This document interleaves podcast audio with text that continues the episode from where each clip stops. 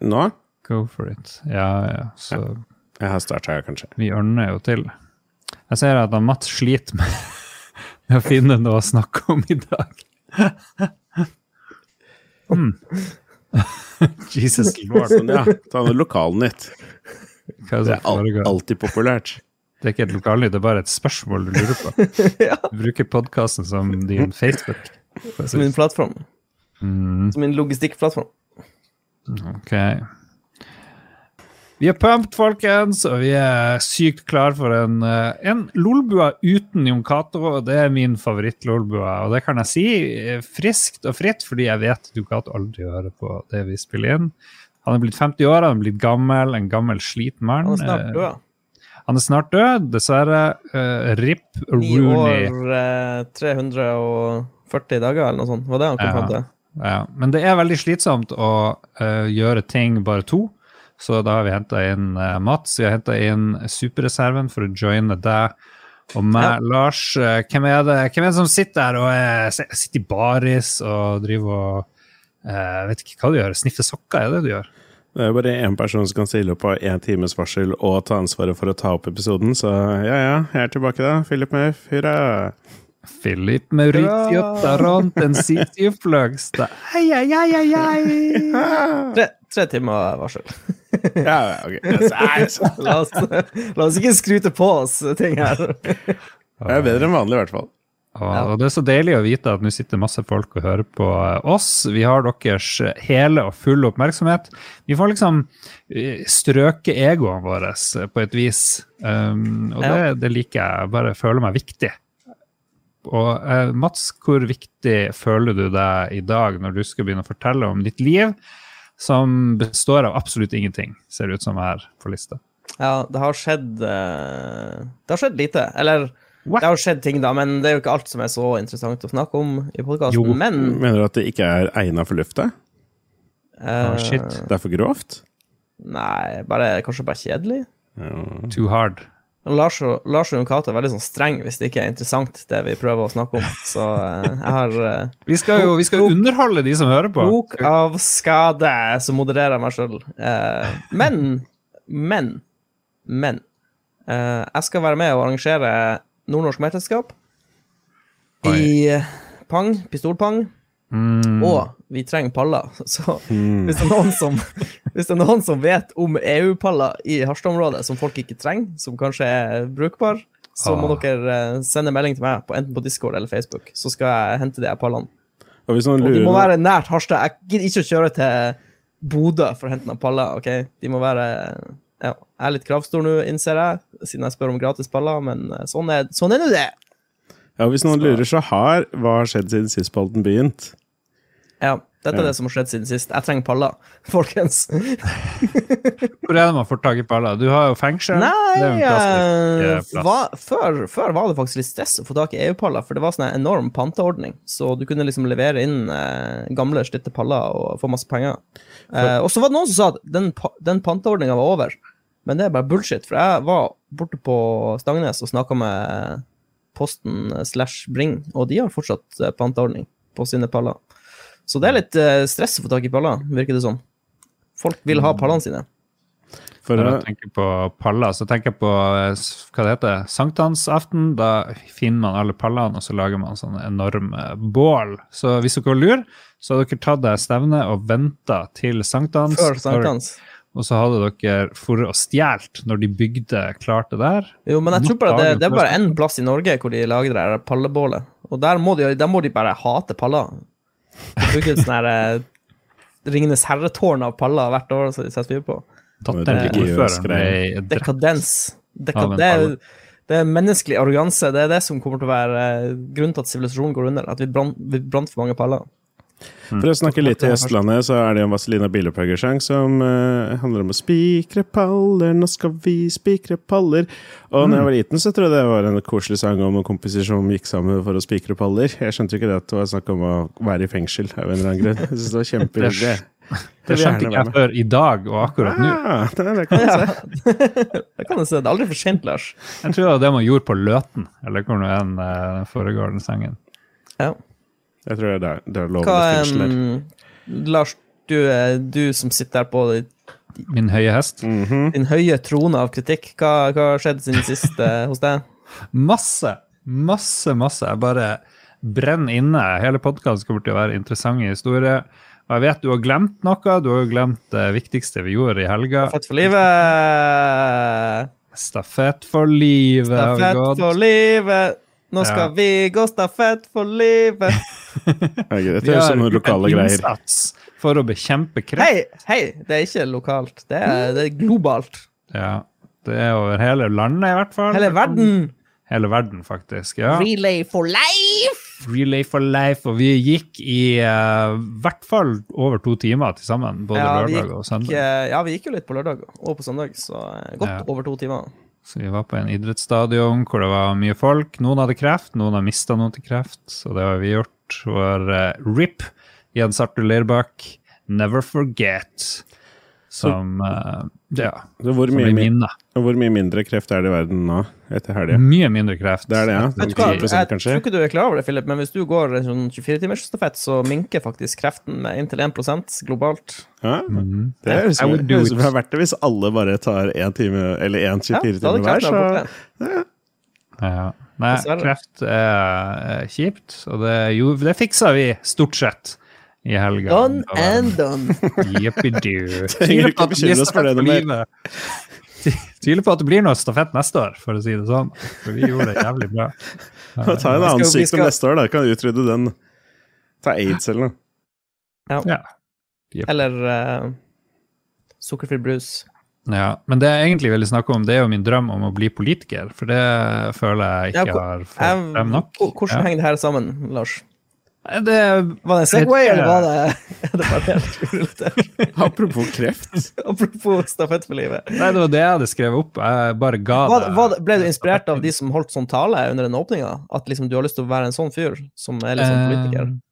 Ja, det var jo en ordfører. kommer ordfører. klippe, sånn, klippe sånne bånd og Mm. Det har du vært flink Ja. til.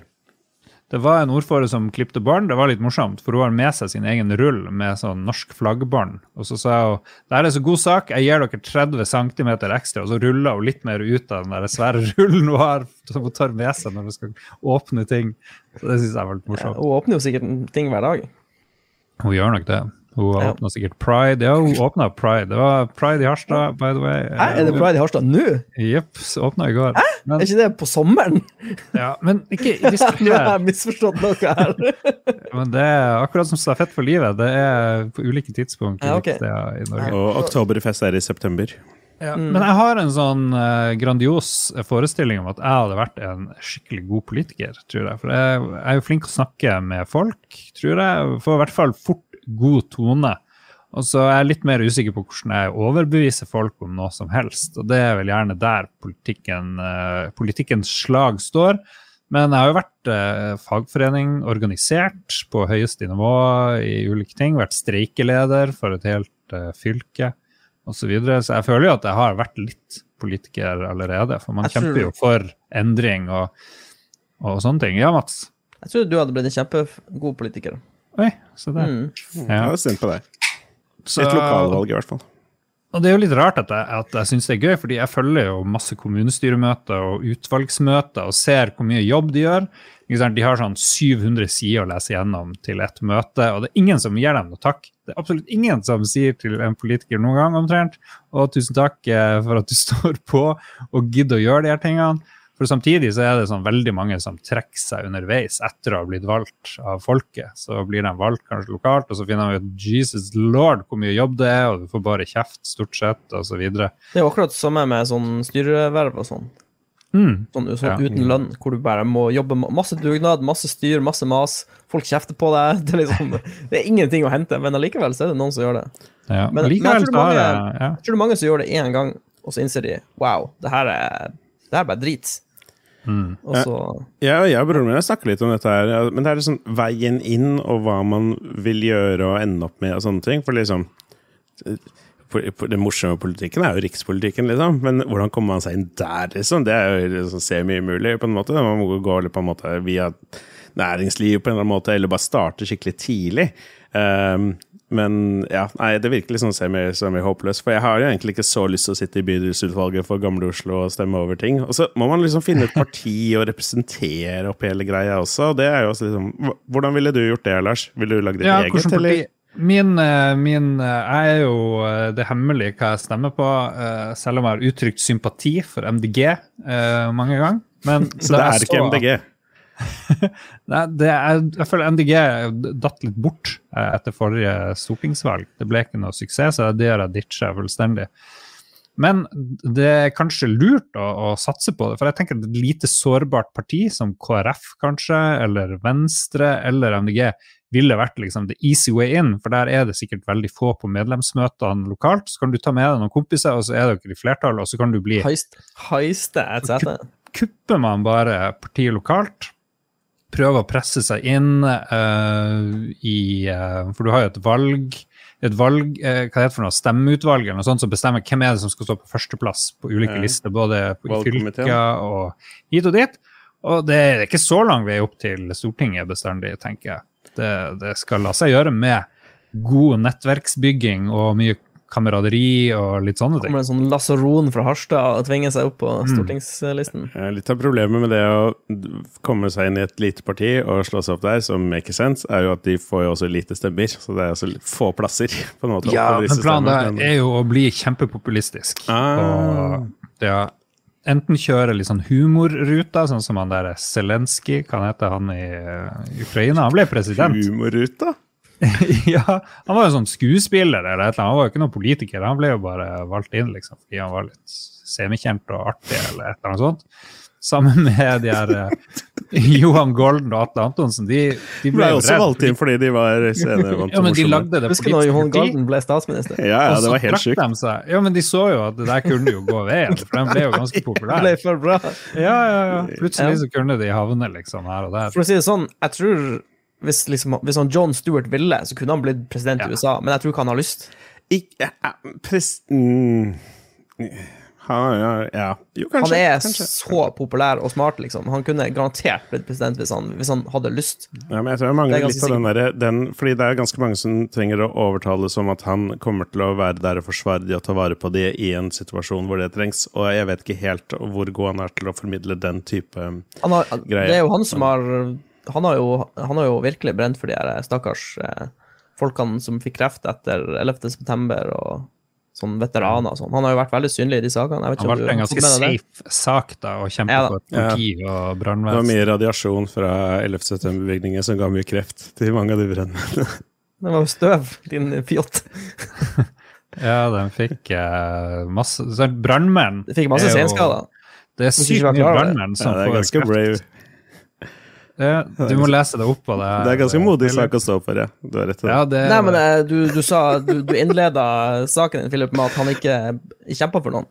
Nei, ikke at han kjemper for noen. Jeg sa at han ikke nødvendigvis er flink til å Eller er like god som andre typer kandidater til å formidle den type, uh, den type trygghet, sikkerhet, som gjerne eldre, mer konservative eh, var Eller bare yrkespolitikere. Det var ikke det du sa innledningsvis. Så, ja, Jo, det var det det. var det jeg reagerte på.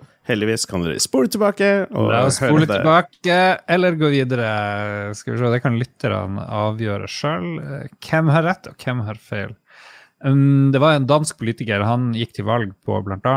det skulle være medvind eh, på sykkelstiene. Sånn at det var enklere å sykle. Og han ble valgt inn i Danmark. Så det, det er mange veier til Rom her. Men jeg er jo dessverre eh, journalist og redaktør, og sånn, så jeg kan ikke være politisk aktiv på noe særlig nivå. Så det er er der det stopper, da, for meg. Selv om eh, jeg har en sånn liten eh, drøm som jeg eh, kanskje aldri kommer til å oppfylle. Og så lurer jeg enda på hvilket parti det skulle være. Jeg syns ikke du skal gi opp helt. Vi fikk kunstlæreren vår i, når vi gikk på første klasse på musikk, dans og drama, valgt inn i kommunestyret i, i, i Moss. Eh, da var jo vi blitt 18, riktignok. Uh, og da ja, så var det alle på skolen som hadde hatt han, stemte på han, og på en måte fikk litt andre folk til å stemme. Og så fikk han en sånn siste listeplass inne i noe utvalg som han ikke hadde lyst til å være med i. Så det er mulig, Lars. Believe. Det er drømmen om å bli fjerdevare i eh, jeg vet ikke, valgkomiteen, den, den lever ennå. Den lever. All right. Philip Maurizio Tarant Encitio Flagstad. Ditt liv er jo en fest. Eh, Du deler jo mye for tida på Snap i vår uh, Lolbua Hva det heter Patrion Snap-gruppe. er det Ofte liksom på bussen eller trikken og T-banen, føler jeg. Når du er on the move, så får vi vite det. Jeg må oppdateres her og der i Patrion verdi for penga. Se på spennende T-bane-snaps. Nei, det skjer jo så mye, og det er en liten stund siden sist. Men det viktigste av alt har jo vært denne bursdagen til vår kjære Jon Cato, som gikk av stabelen nå på, på fredag. Uh, og jeg er jo så heldig å ikke være uh, fortrengt til de nordligere deler av landet, sånn at jeg hadde mulighet til å være der in person. Og vi feira på Tilt i Oslo. og var jo stor fest, og hadde holdt av hele lokalet, eller hele deler av lokalet, og veldig god stemning. Mm, nice. Du var jo MC òg, var det ikke det? Jo, for det var jo veldig artig at hun eh, Synne hun lagde jo en gruppechat hvor hun inviterte en del, av de, del av de inviterte for å lage noe artig for Jon Cato på bursdagen hans. Eh, og han hater jo på en måte Er ikke så glad i, i å stå alene på scenen og bli hylla og sånne ting, så eh, da måtte vi jo på en måte gjøre noe ut av det. Eh, det var hun som egentlig satte sammen alt sammen, og trakk i trådene og fikk folk til å liksom stille opp med ting. Og så eh, trengte hun åpenbart litt hjelp til å på en måte bare organisere litt og trekke litt tråder. Og så syns jeg det er gøy å prate og prøve å være morsom og sånn. Så da eh, gjorde jeg litt den eh, tingen der. Spesielt da når eh, vår gamle venn Magnus Tellefsen ikke kunne stille fordi han, han har fått korona når han har vært på Gamescom. Mm. Tysk korona. Det er farlig å være i Tyskland. Exactly. Ja. Men ja, det ble et uh, veldig bra show, faktisk. Uh, Vi sendte jo en video, Mats. Den kan man se i Lolbo Entourage på uh, Facebook. Det var jo en magisk sak. Må jeg si, jeg anbefaler alle å En liten se den. Men den ble satt på sånn da alle var fulle og alle bare sto og prata, så jeg følte vi fikk ikke noe særlig payoff. Ja, det var, det var så morsomt, for vi gjorde hele det showet, og det varte i sånn 40 minutter eller noe sånt nå, men så snappa jo Christian fra liksom 20 sekunder fra når vi viste filmen deres, og da var det ikke alle som fulgte så godt med. Og det var vel helt til sist i det liksom organiserte showet, den Ja. siste videoen. sånn 11-tida Men det var sånn. jeg tenkte Nei, det var det var ti, ti over halv ti. Eh, og jeg hadde til og med spart den videoen til sist, fordi jeg følte den kom til å være best, basert på thumbnailen. For jeg så ingen av videoene på forhånd, bare thumbnailene. Men ja, uh, jeg syns den var veldig artig, og det tipper jeg alle som går og sjekker den ut på Lolbo Entourage uh, på Facebook, også gjør. Kunst. Ego rescued. Nei. Det var veldig bra. Veldig hjertelig Gratulerer til Jon Cato Hurara. Han fikk i hvert fall to Monkey Shoulder whiskyflasker, så det er godt at folk vet hva han liker. Ja. Hvor mange folk var det? For jeg så det var 100 og 200 inviterte omtrent, og 130 skulle komme, og 40 skulle kanskje komme. og sånt. Var det, var det helt sykt mye folk? Det var ganske mye folk. Jeg tør ikke tippe hvor mange, men det var eh, ganske fullt på den sidebaren til Tilt. Hele det sideområdet var, var ganske fullt. Um, så det var veldig god stemning, og det kom noen flere folk til litt utover kvelden. Og ja, nei, det var blei veldig sent på en del av oss. Um, jeg kom hjem relativt tidlig og blei ikke kasta ut. Hvem, hvem ble kasta ut av Tilt? Ja, det var Ja. Jeg tror ingen, ingen av oss, i hvert fall, ingen som var invitert på festen til Uncato, ble kasta ut. What? Eh, Jeg tok mine forhåndsregler da, og fikk Thomas Heger til å gå og sjekke med dørvakta at det var greit at jeg hadde med den whiskyflaska gjennom døra, sånn at liksom, det ikke ble noe bråk. Med en gang Team Nord-Norge ikke er så blir ingen kastet ut av Tilt. Det gikk det mye bedre. Så med en liten shout-out til Rune fra Level Up, da, som holdt ut utrolig lenge utover kvelden og droppa sjukt mye bra knowledge om eh, God of War og Last of Us. Så vi hadde mange interessante samtaler utover kvelden. Og respekt til den mannen. Eh, jeg må slenge inn, da, for min egen del, så har jeg bursdag neste uke, 14. september. Um, og jeg tar meg i stedet en liten bursdagstur til Nederland. Um, det er denne år... Ja, ikke sant? Det er den årlige turen som jeg drar på hvert år. Til, Er det fordi du er så glad i Max Verstappen? Supermax. det var han der eh, som kjører re- bil. Ja. Ja. Han eh, Ja, for er det noe sånn race eller noe sånt? Til på et eller annet tidspunkt. Nei, det var nå i helga. Det var på Det var- søndag var det løp i Nederland. faktisk. Ja, fordi det var en kompis av meg som vurderte å dra dit en uke tidlig for å se, få med seg det.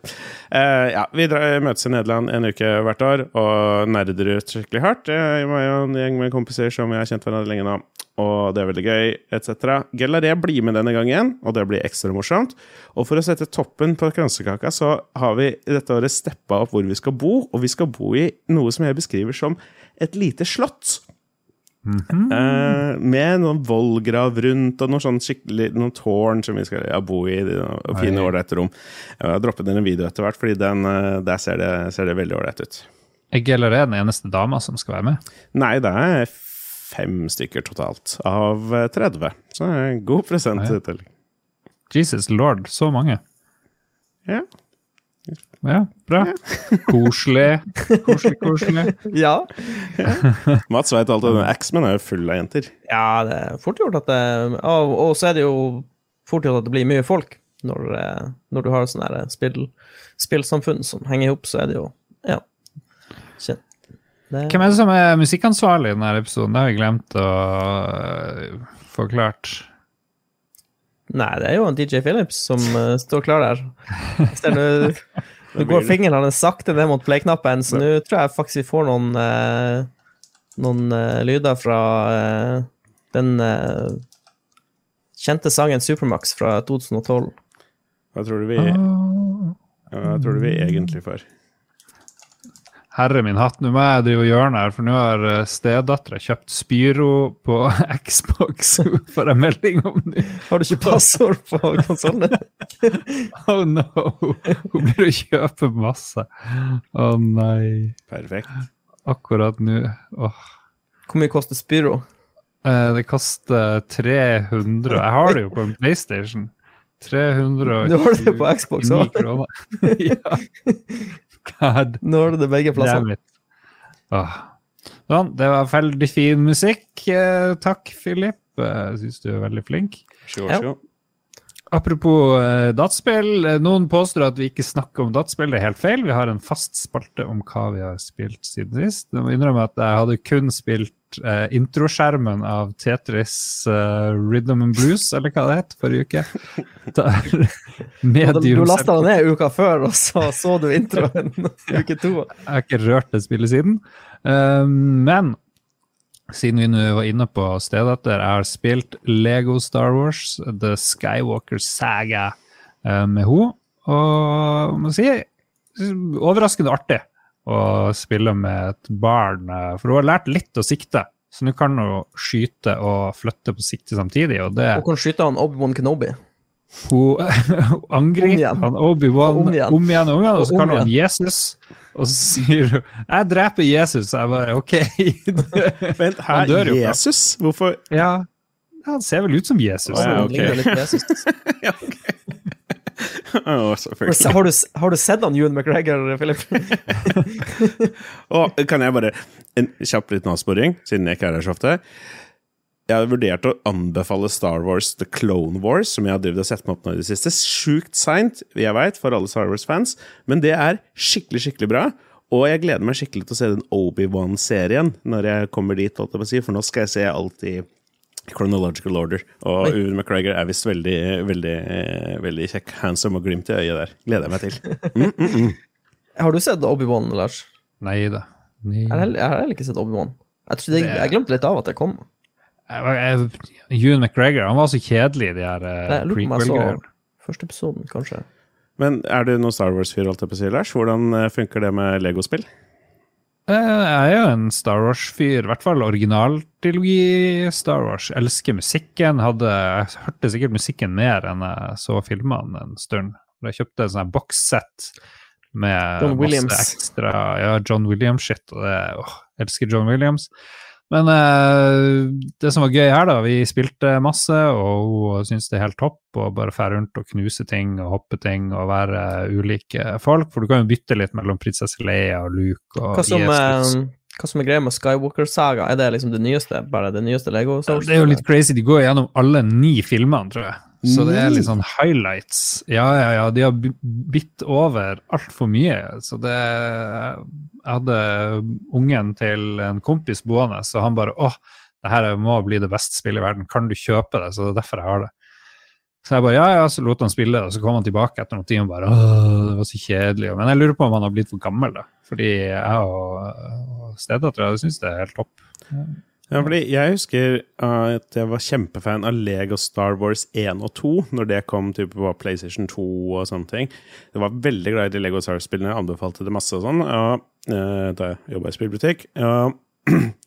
Men det føltes veldig liksom, bra space out, si. At liksom, da hadde du godt innhold i, til et spill, og så kom det et spill til. Men det å presse ni filmer inn i liksom én greie, yeah. det virker eh, Ja. Men, men Det hvis det funker, så funker det. Ja, det hvis du er en sånn Star Wars-purist, så syns du sikkert at det her går fort frem, og du gjør jo det. Du, begynner, du har sånn ti minutter i, eh, i det der diplomatskipet til Oleia, og så hopper du ned på jorda, og så er du der bitte litt. og Jorda, så- faktisk. ja, Bare... er ikke på jorda? Det var er jo Sahara. Tunisia. og så plutselig er du oppe i verdensrommet, og så er første filmen ferdig, liksom. Faen, jeg husker når de var i Afrika. Så det er ikke noe podracing? Jeg er ikke kommet så langt. Ja, for det høres ut som, Sånn som du forklarer det, så høres det ut som episode fire til ni, ikke episode én til ni. For å være helt ærlig. Ja, jeg begynte, ja, kanskje det er bare Jeg vet ikke, han kiden som var her, han sa det var alle ni, men jeg vet ikke. Ja. Det- ja, nei, for hvis vi begynner med Leia, så er jo det velge. Ja, men vi kunne velge hvor vi skulle starte. Jeg begynte jo selvfølgelig på episode fire. Jeg driter Ja. jo i ja. Så jeg, Ja, kanskje jeg begynte på feil plass, men eh, jeg kjører kronologisk eh, rekkefølge til Sandra. Du kjører etter, theatrical, theatrical rekkefølge. ja, ja. Og så viste jeg jo ti minutter av originale Star Wars. en, Wars. to, tre, sju, åtte, ni. Jeg viste jo originale Star Wars, uh, New Hope, uh, ikke hele greia, da, bare sånn starten. Bare for å vise det her er ekte Star Wars. Hun bare ekte Star Wars. Hun trodde jo det bare var Lego Star Wars. Wars. at Lego. Ja. Men nå går vi og prater veldig mye om Star Wars nå. Jeg elsker Star Wars, og det, det er jo ikke noe som, eh, som rører et, eh, et eh, slags pappahjerte bedre enn å høre en ung kid drive og proklamere sin kjærlighet for Star Wars, selv om hun kaller Obi-Wan for Jesus. Ja, vi ser jo det på hvor mye punt de har pressa kiden sin til å spille Final Fantasy 7, så han får snappa og sånn. Vi liker like av meg, da. Ja, ja, man vil jo det vi ikke ser, er det han sier før han begynner å filme. Mm. Coacher, coacher han litt. Og så ser jeg at dere har spilt uh, Total War Warhammer begge to, men Mats har spilt Total Warhammer uh, Total War, uh, Warhammer 3. Så dere har spilt forskjellige Warhammer. Ja, dette er faktisk tima og tilrettelagt, som de sier i Ja. den nye Olsenbande-filmen. Um, antageligvis. Jeg har ikke sett den. Eh, fordi jeg har plukka opp dette nå sånn i sommer, da jeg har selvfølgelig sutra over at denne skjermen min har vært i reparasjon. Fikk den tilbake i går! Hurra! Eh, Gratulerer. tusen Jeg så at det var det eneste at- som var feil, det var at du måtte blåse litt i vifta. Var det det? Nei, den måtte jo åpnes og på en måte renskes for støv innvendig. Og det turte ikke jeg gjøre sjøl, fordi da mista jeg garantien. Så jeg Har vi lært nå? Hva har vi lært? Ja, Sånn at det ikke skjer på nytt igjen. Hva, hva må vi gjøre da, Philip? Jeg vet ikke. Må tørke støv rundt Å skjermen. ja, tørke. Ja, for at jeg prøver å blåse masse med sånn komprimert luft. Uh, I håp om Ja. at det skal Nei, men måte- eh, jeg tror det beste du gjør, er å kjøpe deg en sånn her eh, Det ser ut som en sånn her Made. Made-tool, og så uh, oh, ja, nei. En tar du bare og går rundt og Børste. børste. Eller en uh, Det er sånn fluffy, det er sånn fluffy ting. Fluff. Jeg vet ikke hva det heter. Hva heter den? Hva heter det verktøyet? En revehale. Støvbørste. Revehale. Revehale. Ja. Jeg aner ikke. Det er et godt navn. Den heter revehale. Jeg skrudde, jeg skrudde i hvert fall opp den gamle skjermen min enn så lenge, eh, og sutra fælt og 1080p ja, det blir- Eh, Men da bestemte jeg meg for å spille noe jeg har vært veldig nysgjerrig på lenge, for jeg er egentlig en gammel eh, Warhammer Fantasy-fan. Uh, spilt masse brettspill og syns det er veldig artig, kult univers og sånne ting. Men så har jeg aldri spilt disse Total War-spillene. Eh, og de lå ute på Steam, sånn relativt billig, én og to. Og da sa jeg fuck it, dette plukka jeg opp, og så kan jeg snakke om det i Lolbua. Um, og det syns jeg er storveise greier, for noen som er litt inne i Warhammer. Um, det er helt fint balansert vanskelig. Jeg har liksom mest for det, spil, for det meste spilt campaignen og lekt meg i sånn uh, custom mode for å skape gigantiske battles og sånn, fordi det er gøy. Um, Men det morsomste er egentlig å bare skru på noen cheats og, eller noen mods, og så, blir, og så bare kjører du gjennom campaignen med de forskjellige armeene. Fordi igjen, jeg har jo ikke planlagt å spille hver av disse spillene i 200 timer hver, men jeg er veldig gira på å teste ut alle de forskjellige liksom, eh, ja, bygningsstrukturene, armeene, de forskjellige unitsene. og Det er masse forskjellige helter og sånne ting som alt er trukket ut fra låren. Eh, og da ja, hjelper det med en mod eller to. Ja, ja, det er som litt Men- vanskelig når du skal velge Først må du velge hvilken faction du skal spille, og det er jo et sinnssykt stort utvalg. Og så må du i tillegg velge en sånn hovedhelt Mm. for, for faction. Og det, ja, det, jeg syns det er ikke vanskelig å bare lande på én. Ja, ikke sant? Først én, og så én. Ja, og altså var jeg sånn Å, skal jeg bare spille alt det som er kulest, det som jeg er mest gira for? Altså bare, Nei, jeg får bare starte på starten med liksom mennesker, Empire eller whatever. Eller whatever. Og så gjorde jeg det. Og så tenkte jeg Carl Frans! Ja, det, det var gøy, det, for så vidt, men jeg gidder ikke liksom bruke ti timer per armé, så jeg bare ah, fuck it. Så, ja. Kjører på med noen mods. Men snakker du om uh, trea, ena, toa? hva du- én og Ja, to. jeg snakker bare om eneren og toeren, ja. Jeg hoppa Ja. relativt Nei, jeg gjorde vel et par campaigns i eneren, men så har jeg kanskje spilt mest toeren. Der er det Wood Elves og sånn som jeg syns er veldig stilig. Toeren er best. For de har jo, um, de har jo en slags hovedstorykampanje til hvert spill. Eh, og så introduserte de eh, allerede i det første spillet faktisk en eh, ekstra kampanjemodus, som de kalte for Mortal Empires. Eh, og den har de, um, de utvida nå til det siste spillet. Fordi jeg har spilt Total War Warhammer 3, som er det nyeste. Mm. Men det er egentlig ikke et nytt spill. Det tror jeg kom ut ganske tidlig i 2022. Ja, det er en liten, syns jeg. Ja. Ja, men jeg var ikke så interessert i å kjøpe det, da, fordi um, jeg har aldri vært noe Jeg har spilt gjennom Jeg tror jeg spilte gjennom en av de her storykampanjene eh, til ena og toa. Og i trea så tror jeg de har en sånn genuin, skikkelig storykampanje, hvor du spiller Kislev, som er sånn her eh, russiskaktig faksjon, eh, på en måte. Eh, men det som alltid har fascinert meg med Total War Warhammer, er den her store, åpne kampanjemodusen hvor du kan spille hvem du vil, og så er det egentlig bare veldig enkle eh, retningslinje. Du skal knuse fienden din og ta over kartet. Uh, og eh, nå, uh, i forrige uke, eller for to uker siden er det kanskje, så kom det endelig til trea, den der, det som kalles kaltes Mortal Empire, men nå heter det bare Immortal Empires til, til Men det, det, siste sånn, spillet. men det er sånn at da må du spille med noen spesifikke armeer. Nei da, altså du Ja, jo da, jo, du fyrer styrer bare én her, på måte, eller én faction. Ja, men kan du velge fritt hvilken faction, eller kan du Ja, velge blant det, det, det er det som er, så, så når, du, når du starter en Immortal Empires-kampanje i Warhammer 3, så velger du mellom absolutt, og da mener jeg alle, Mm. mellom alle factionene. Eh, så det er det som er litt morsomt, da. Eh, og nå holder jeg på med en eh, Korn-kampanje, fordi det var det jeg spilte når jeg spilte brettspill. Men jeg har spilt mange forskjellige tidligere i, i Mortal Men det ja, faen heller, de er jævlig flinke. Må, her må vi kredite Creative Assembly, for de har eh, de har liksom lagd hele Nå nå er det hele kartet. Hele Old World. Mm. Uh, når, når du starter runde én, så er det det er sånn 273 factions. Det, det er så dust mange. Og så runde 25 så er det halvert. Men det er jævlig morsomt. Det er dritkult. Eh, det er hvis du Altså, det er bare Det er fullstendig, fullstendig kaos. Det er bare Jeg elsker det. Eh, men jeg kaos. ja, kaos, ja. Kaos i kaos. Nå, nå er jeg på Jeg tror jeg er på turn 123, eh, og det begynner å tynnes i rekken. Det er ikke så mange faksjoner igjen, men det begynner å bli noen ganske bitre kriger. Og så har de noen sånne jævlig morsomme um, kriser som oppstår når du kommer ganske seint i spillet. For når du er, når du er på sånn turn 100 pluss, så har du forska det meste av teknologitreet. Eh, du har det som kalles for sånne doomstacks, som er Fordi du kan ha mange forskjellige hærer. Du kan ha forskjellige hærførere og forskjellige hærer, men en hær én hær kan maks ha 20 enheter. Eh, i, i, det, er en, det, det er en full stack med units. da. Så på slutten så flyr jo alle rundt med 20 elite-units, eh, flere hærer av det, da. Så det blir, det blir litt vanskelig til slutt, hvis du ender opp med å velge feil allianse og få litt for mange folk mot deg. Men eh, den er artig uansett. Og eh, jeg, jeg klarer Altså, jeg sliter med Jeg syns bare synd på de som skal sitte og balansere unitene opp mot hverandre. For det er så mange bevegelige deler i det her greiene her. Det, jeg tror ikke det er balansert, for å si det mildt. Det nekter jeg å tro. Men uh, det, er, det er artig uansett, for det er et singleplayerspill, først og fremst. Jeg tror ikke jeg ville turt å begi meg ut på noen multiplayer med det første. Jeg tror ikke jeg blir å spille det spillet multiplayer. Jeg, jeg, jeg koser meg alene med, mot A1. Det, Er- er det, kanskje, vet du hva?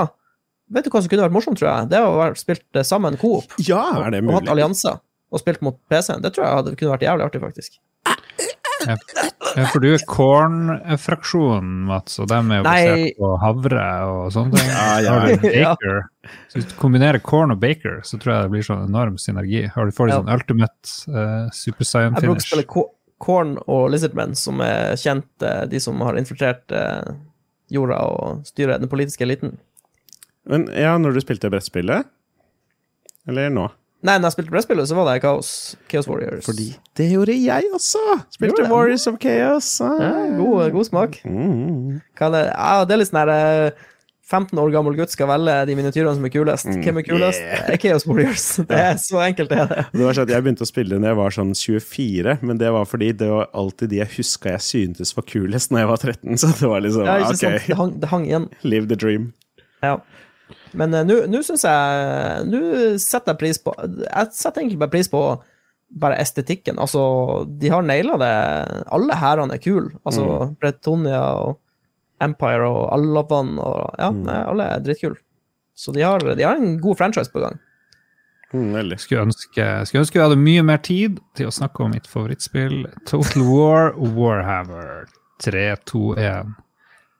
Da tror jeg vi tar en ny musikkpause, i den, i den musikkpausen så kan vi ta en sånn god gammeldags femsekunds pause, fordi eh, vanligvis bruker Philip sine maskiner og bråker noe sinnssykt, og så kommer det på opptaket bort hos Philip, så da tar vi en sånn fem sekunder bare for å luke det ut fra nå. Siden episoden neppe blir klippet så veldig mye, så er nok det her med, dessverre. altså, så sorry. Så sorry. Skal vi se Oi, oi, oi, nå gleder jeg meg. Nå skal vi gå videre i kåringa av verdens beste spill. De 43 beste spillene fra 1981, eller hva vi begynte på? 80. frem til frem til uh, whatever. Og det kommer til å bli uh, Maceballs. Uh, bare å glede seg, for nå vi, nå slipper vi det her Jon Cato-greiene. Og det skal være sånn her eh, PC Master Race-greier. Eller kommer det til å bli noe PC Master Race? Det blir veldig spennende. Alle får nominere tre kandidater, og så skal vi bestemme oss. Og i 1985 eh, Hva skjedde i 1985? Er det noen som husker noe derfra? Har full Ja, kontroll? tror kanskje Philip ble født da. Ja! Ja! Mats. Utover det, Bobby Sucks Socks vant eh, Grand Prix. Og da det var Live Aid? Jeg tipper Ronald Reagan gjorde noe ondskapsfullt. Ja, hvem bryr seg? Vi skjøt nabolager i ansiktet med hagl. Vi gidder ikke å se. Oi, Led, Eh. you son of a bitch! Poisoning our kids! Uh, Intel lanserte War!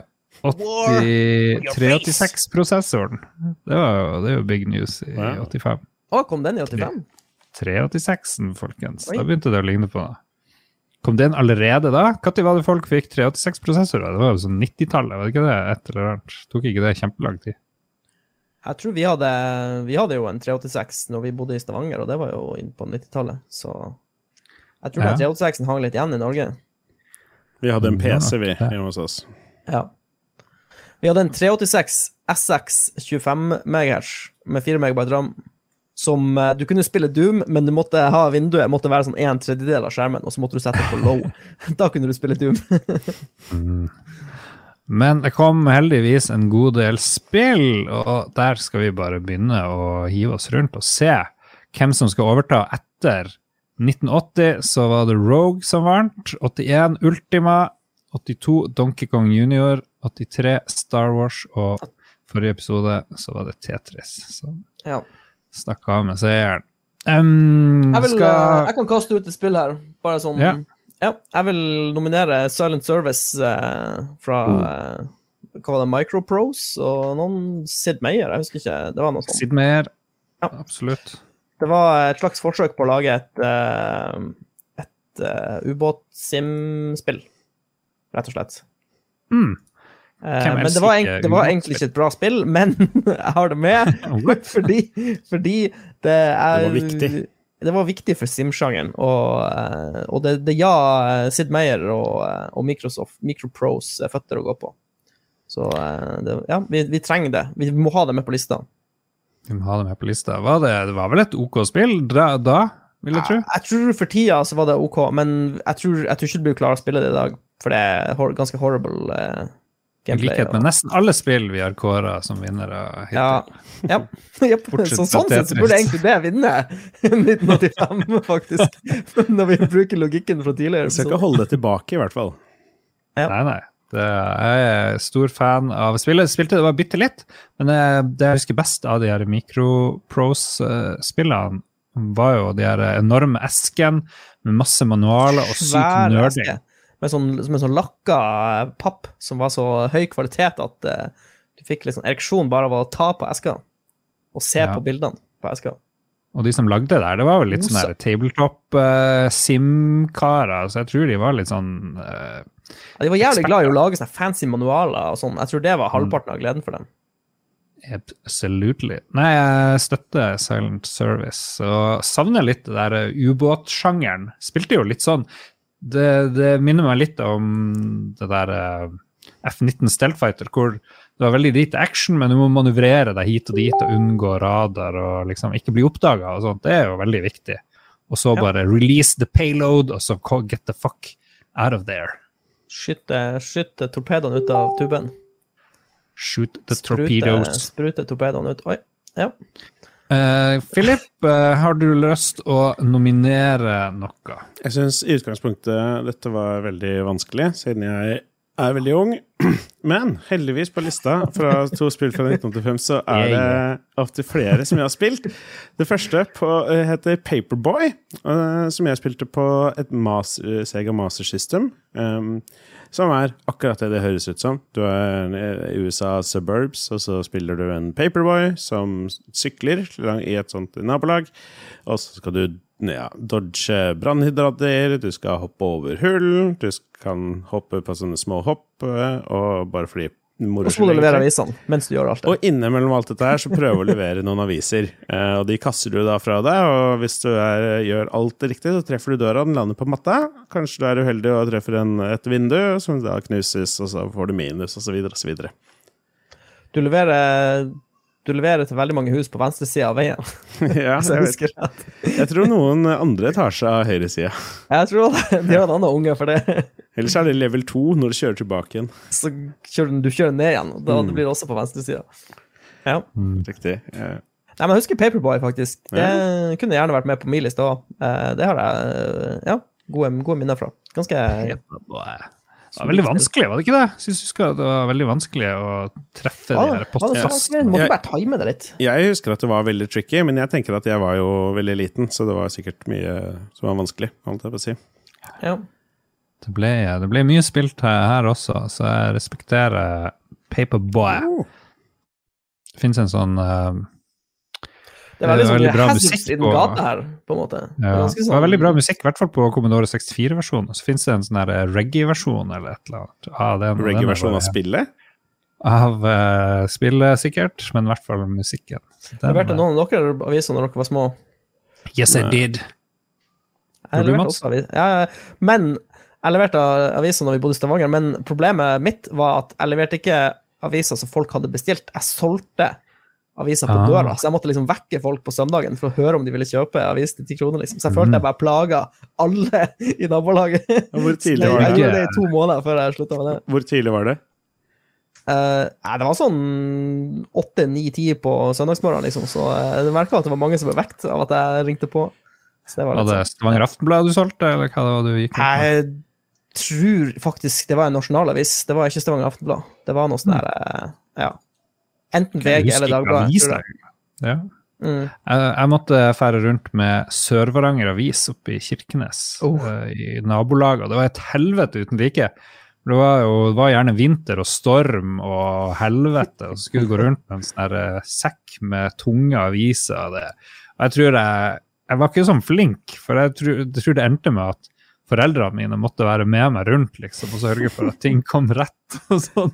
Det høres ikke så lovende ut, nei. Hei, Nei, folkens, det var jeg driver og ser på noen klipp her fra Paperboy, eh, og innimellom her så er han på noe som virker som et sånn her eh, fucking gameshow, hvor han kaster aviser inn i noen sånne ringer. Er dette noe fra spillet?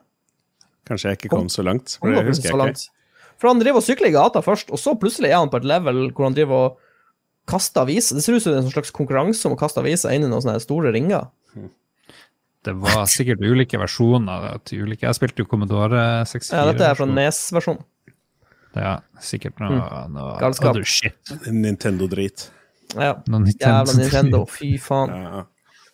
All right. Jeg skal nominere det beste spillet fra Ja, kan jeg bare si det at eh, Lars har på en 95? måte den beste lista, fordi, Ja, la- han, fikk ja. veldig, fordi han fikk veldig først. Han skrev inn først, vet du, så han fikk de kuleste spillene. Så vi har Ah, høye forventninger nå, Lars. Ja. Jeg går rett på uh, Gradius, uh, som ble kjent som Nemesis uh, utafor Japan. Fordi da jeg spilte det på Commodore, eller hva det enn det var, så var det Nemesis. Jeg husker det var utrolig kult. Det er jo et sånn her eh, sideskrollende shoot them up. Du er et romskip, og så skal du skyte, og så driver du og, og power up ting. Du samler sånne kapsler som gjør at du, du power up skipet ditt, og det her er vel et av de første spillene som, som gjorde det der på en fornuftig måte. Helt- Og Sjukt kul coverart. ja, veldig.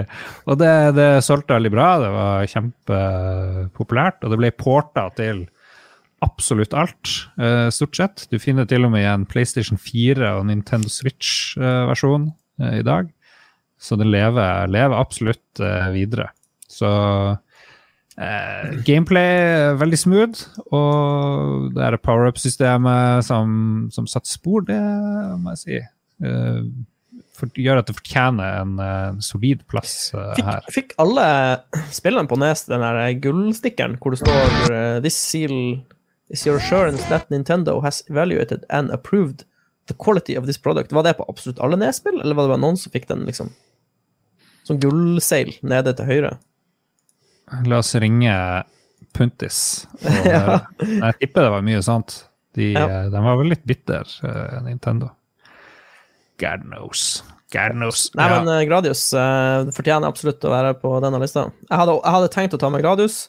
Jeg hadde egentlig, jeg valgte faktisk ut Det heter ikke tull engang, men jeg valgte ut tre spill før jeg så på, på lista Mhm. vår, og de tre spillene var de han Lars hadde. så jeg måtte bare måtte endre litt på min egen liste. Men ja, Great minds think støtte, støtte Gradius. Ja. Nei, men så bra. Um, da er vi tilbake på Mats Rindal Johansen. Si. Johansen. Yeah, boy! Eh, da vil jeg gjerne nominere et spill eh, som står hjertet mitt veldig nært. eh, for det har vært ansvarlig for ganske mange andre spill, mistenker jeg. Og det er intet mindre enn Gauntlet, Oh. mine venner. Gauntlet, folkens. Alve... Alven med buen og barbaren med øksa og trollmann. Jeg vet ikke hvem som var i den originale Gauntlet, men Ja. Utvikla i USA av Atari. Det er jo litt artig. Ja. Som et uh, arkadespill først, hvor man kunne spille fire stykk samtidig. Og én maskin. Ja, Kabinettet er jo Det er helt jo- vilt. ja Det det blir solgt i sånn her, eh, tomannskabinett òg, for det var sikkert Ja. kjempedyrt. Ja, det var en en alv i grønt, og så en trollmann i blått, og så en barbar i brunt, og så ei litt sånn forvirra dame i brunt som er en slags Hun er vel fighter, kanskje, siden hun har skjold. Mm, Men ja, veldig kult spill. ja. Jeg har spilte kanskje, jeg har kanskje spilt uh, de senere remakene litt mer enn originalen, men uh, originalen er ganske tight, altså, med tanke på sånne animasjoner og grafikk. Mm. Det ser eh, Det ser, det ser bra ut fortsatt. ja. Ja. Da vi spilte Alien Breed og sånt, det er jo superkopi, egentlig. Ja. Ja, og eh, jeg vil si at liksom Gauntlet Arkade-versjonen knuser Alien Breed sånn på animasjoner og, og grafikk, egentlig. ja. Kanskje. Jeg, jeg ser en video av Arkade-versjonen, og det er hakket bedre enn det uh, noen andre versjoner jeg har sett her, på til Ja. de tidligere, tidligere konsollene. Men uh, nei, det, ja, det, var, det er veldig solid spill. Ja. Hvis vi skal ta en oppsummering så langt, er det hvilket spill er det som leder eh, akkurat nå? For meg går ordentlig. Ja, jeg tror vi fikk en ny leder nå, jeg. Monster. Eh, Spenningen stiger. Veldig bra. Eh, Philip, du har bare nominert to spill, ser det ut som. Ja, fordi det er jo ikke så mange bra spill på den lista. Og Nei, vet du jeg, hva, 85 var litt sånn her Jeg må, jeg må kritisere 1985 litt. Jeg syns ikke det var så mange bra spill i, i 1985. Nei, jeg har jeg hadde litt sånn problemer med å finne noe. Og jeg ville jo også jeg helst liksom velge spill jeg faktisk har spilt eller har et forhold til fra i hvert fall jeg var litt yngre. Uh, heldigvis var det ett til som jeg også spilte på Sega Master System, og det var Ultima 4. Uh, og da har vi kommet til, til nummer fire i serien, og det uh, kjenner vi jo de fleste til som et uh, ja, 2D-rollespill hvor man løper rundt og velger ting fra menyer og gjør ting. Eh, utrolig vanskelig. Eh, spesielt da jeg var veldig liten. Eh, men kanskje det mest fascinerende var å spille den introen. For da introen i Ultima 4 da fikk man velge mellom sånn to sånn tarotkort. Jeg vet ikke om det var samme introen i alle, egentlig. Men, og hvor man gjorde noe valg i denne situasjonen, så ser du dette. Hva velger du å gjøre? Dette eller dette? Og så får du på en måte en karakter, startkarakter basert på de valgene du tar. Og jeg skjønte jo aldri sånn helt, så jeg endte opp med noe litt random hver gang, og det var alltid like morsomt. Jeg har ikke spilt det, men uh, jeg syns det seiler opp som en ny favoritt uh, i kåringa, for min del.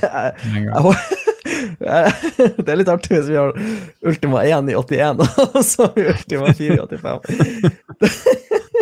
da tror jeg noen kommer til å sende oss Antrax i posten. Men uh, ja, Bare Ultima er en bra serie, da. Og jeg tror egentlig, egentlig hvis man skulle hatt et Ultima-spill i- på 80-tallet, så tror jeg Quest of Avatar er kanskje det som burde vært på lista. For det, var, det er et oppriktig bra spill. Men siden dere sier at det var lite bra, jeg må si, jeg vet ikke hvor bra det er, da, men det var mange ikoniske serier som, eh, og spill som kom i 85. Uh, Ghost and Goblins uh, dukka opp. Utrolig vanskelig Ja, for meg. Hei! Lars, Mats satte nettopp på lista si. jeg har det på lista. Å ja, du satt, bytta det inn på lista di? Å ja. Jesus lord. Ja, det fikk jeg ikke med meg. Ja, men det er bra. Og så Ja, apropos mitt tredje spill, jeg vil gjerne Ja. Nominere Ghosts and Goblins. Vær så god. Hvorfor vil du nominere det spillet, Mats? Uh, først hadde jeg egentlig ikke lyst til å nominere det, men så kom jeg på at jeg hadde bare lyst til å la være å nominere det fordi, fordi det var vanskelig. Men, eh, men uh, jeg, f- vet du hva? Det fortjener jaggu meg å være på lista, fordi det er et veldig Ja, altså, det ser veldig bra ut. For Mhm. 85-standard, vil jeg si. Mm. Og så Ja.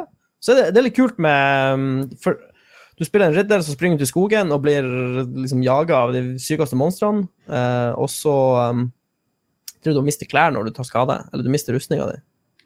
Unik mekanikk med at du Ja, mister klær. veldig kul, eh, kul sak. Hvordan ble det en sånn kultklassiker, egentlig? Var det bare fordi det var vanskelig, eller var det egentlig skikkelig bra?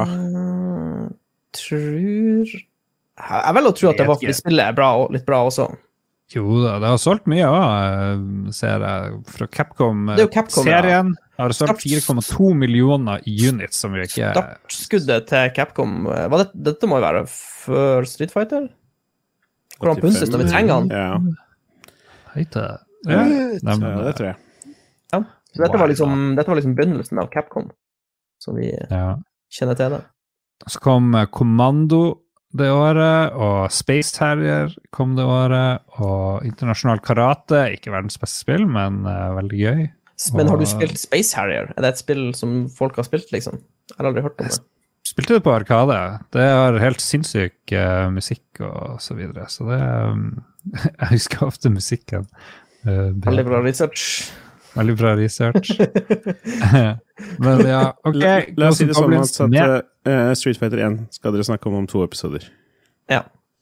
Nei, men uh, mine tre spill er nå kasta ned på bakken. Uh, de ligger der og utfordrer året 1985. Hva, er, hva, mer, hva mer har dere, folkens? Uh, nei, Du, du har et sånn bare lite, du har et sånn lite spill som kommer, Lars. Ja, det var det igjen, det der om han der fyren? Ja. Jeg, jeg nominerer Great Giana Sisters.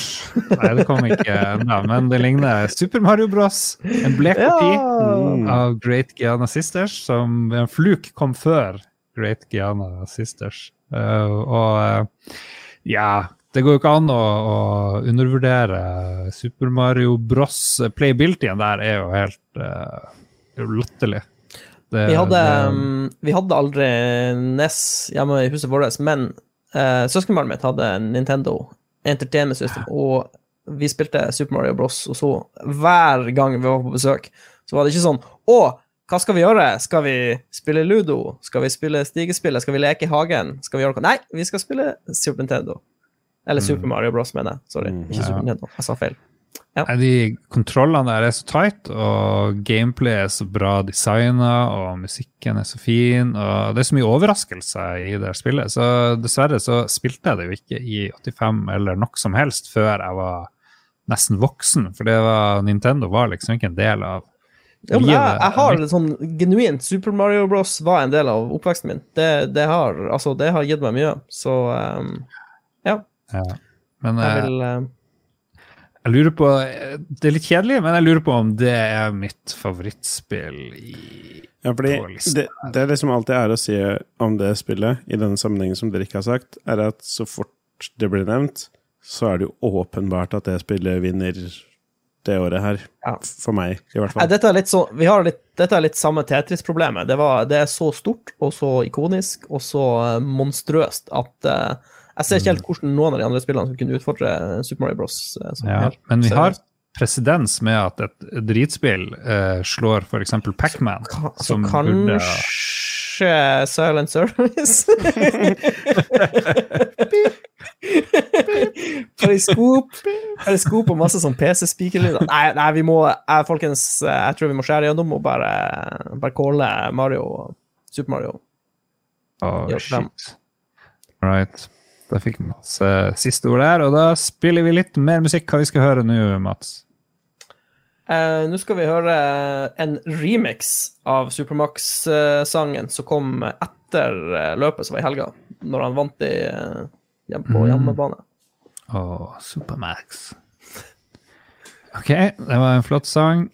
vi skal over på anbefalingen. Vi skal anbefale ting som kan gjøre livet til lytterne bedre. Og jeg tror vi går rett på den dårligste muligens eh, anbefalingen, som jeg ikke vet om er en anbefaling.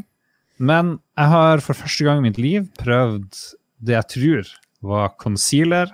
Fordi dama sto på badet før vi skulle på jobb og drev og gjorde seg enda vakrere enn hun er. Uh, jeg syns selvfølgelig er et minefelt der.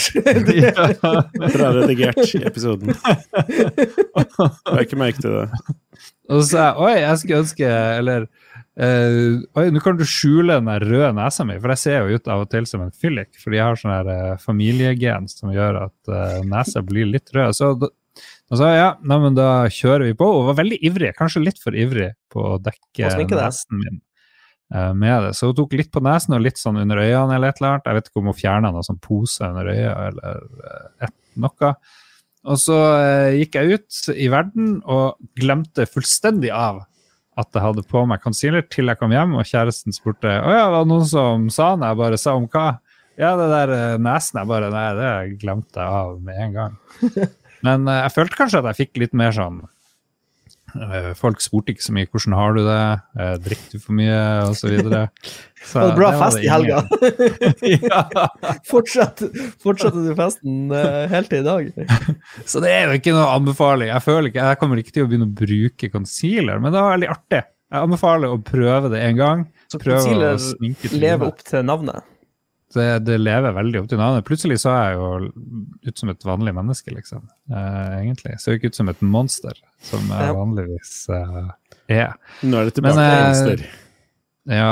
Den som er mest sånn eksperimentell her, det er jo Philip. Har du, hvor mye sminke har du brukt i ditt liv? Jeg har brukt litt sminke. Det, så er det sånn, først i sammenheng med teater og sånn. Da har det jo vært mye når man står på scenen.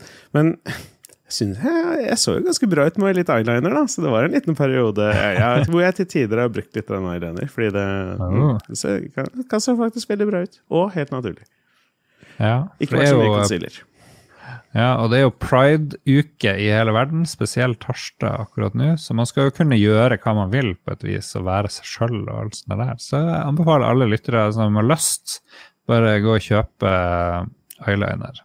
Det syns jeg Hvordan skal eh, Hvis jeg går ned på sminkebutikken, som jeg ikke vet hva heter, skal kjøpe Nei, jeg vil ha litt sminke, takk. eh, hva, er- Hvordan merke concealer anbefaler du, Lars? Uh, da sliter jeg litt.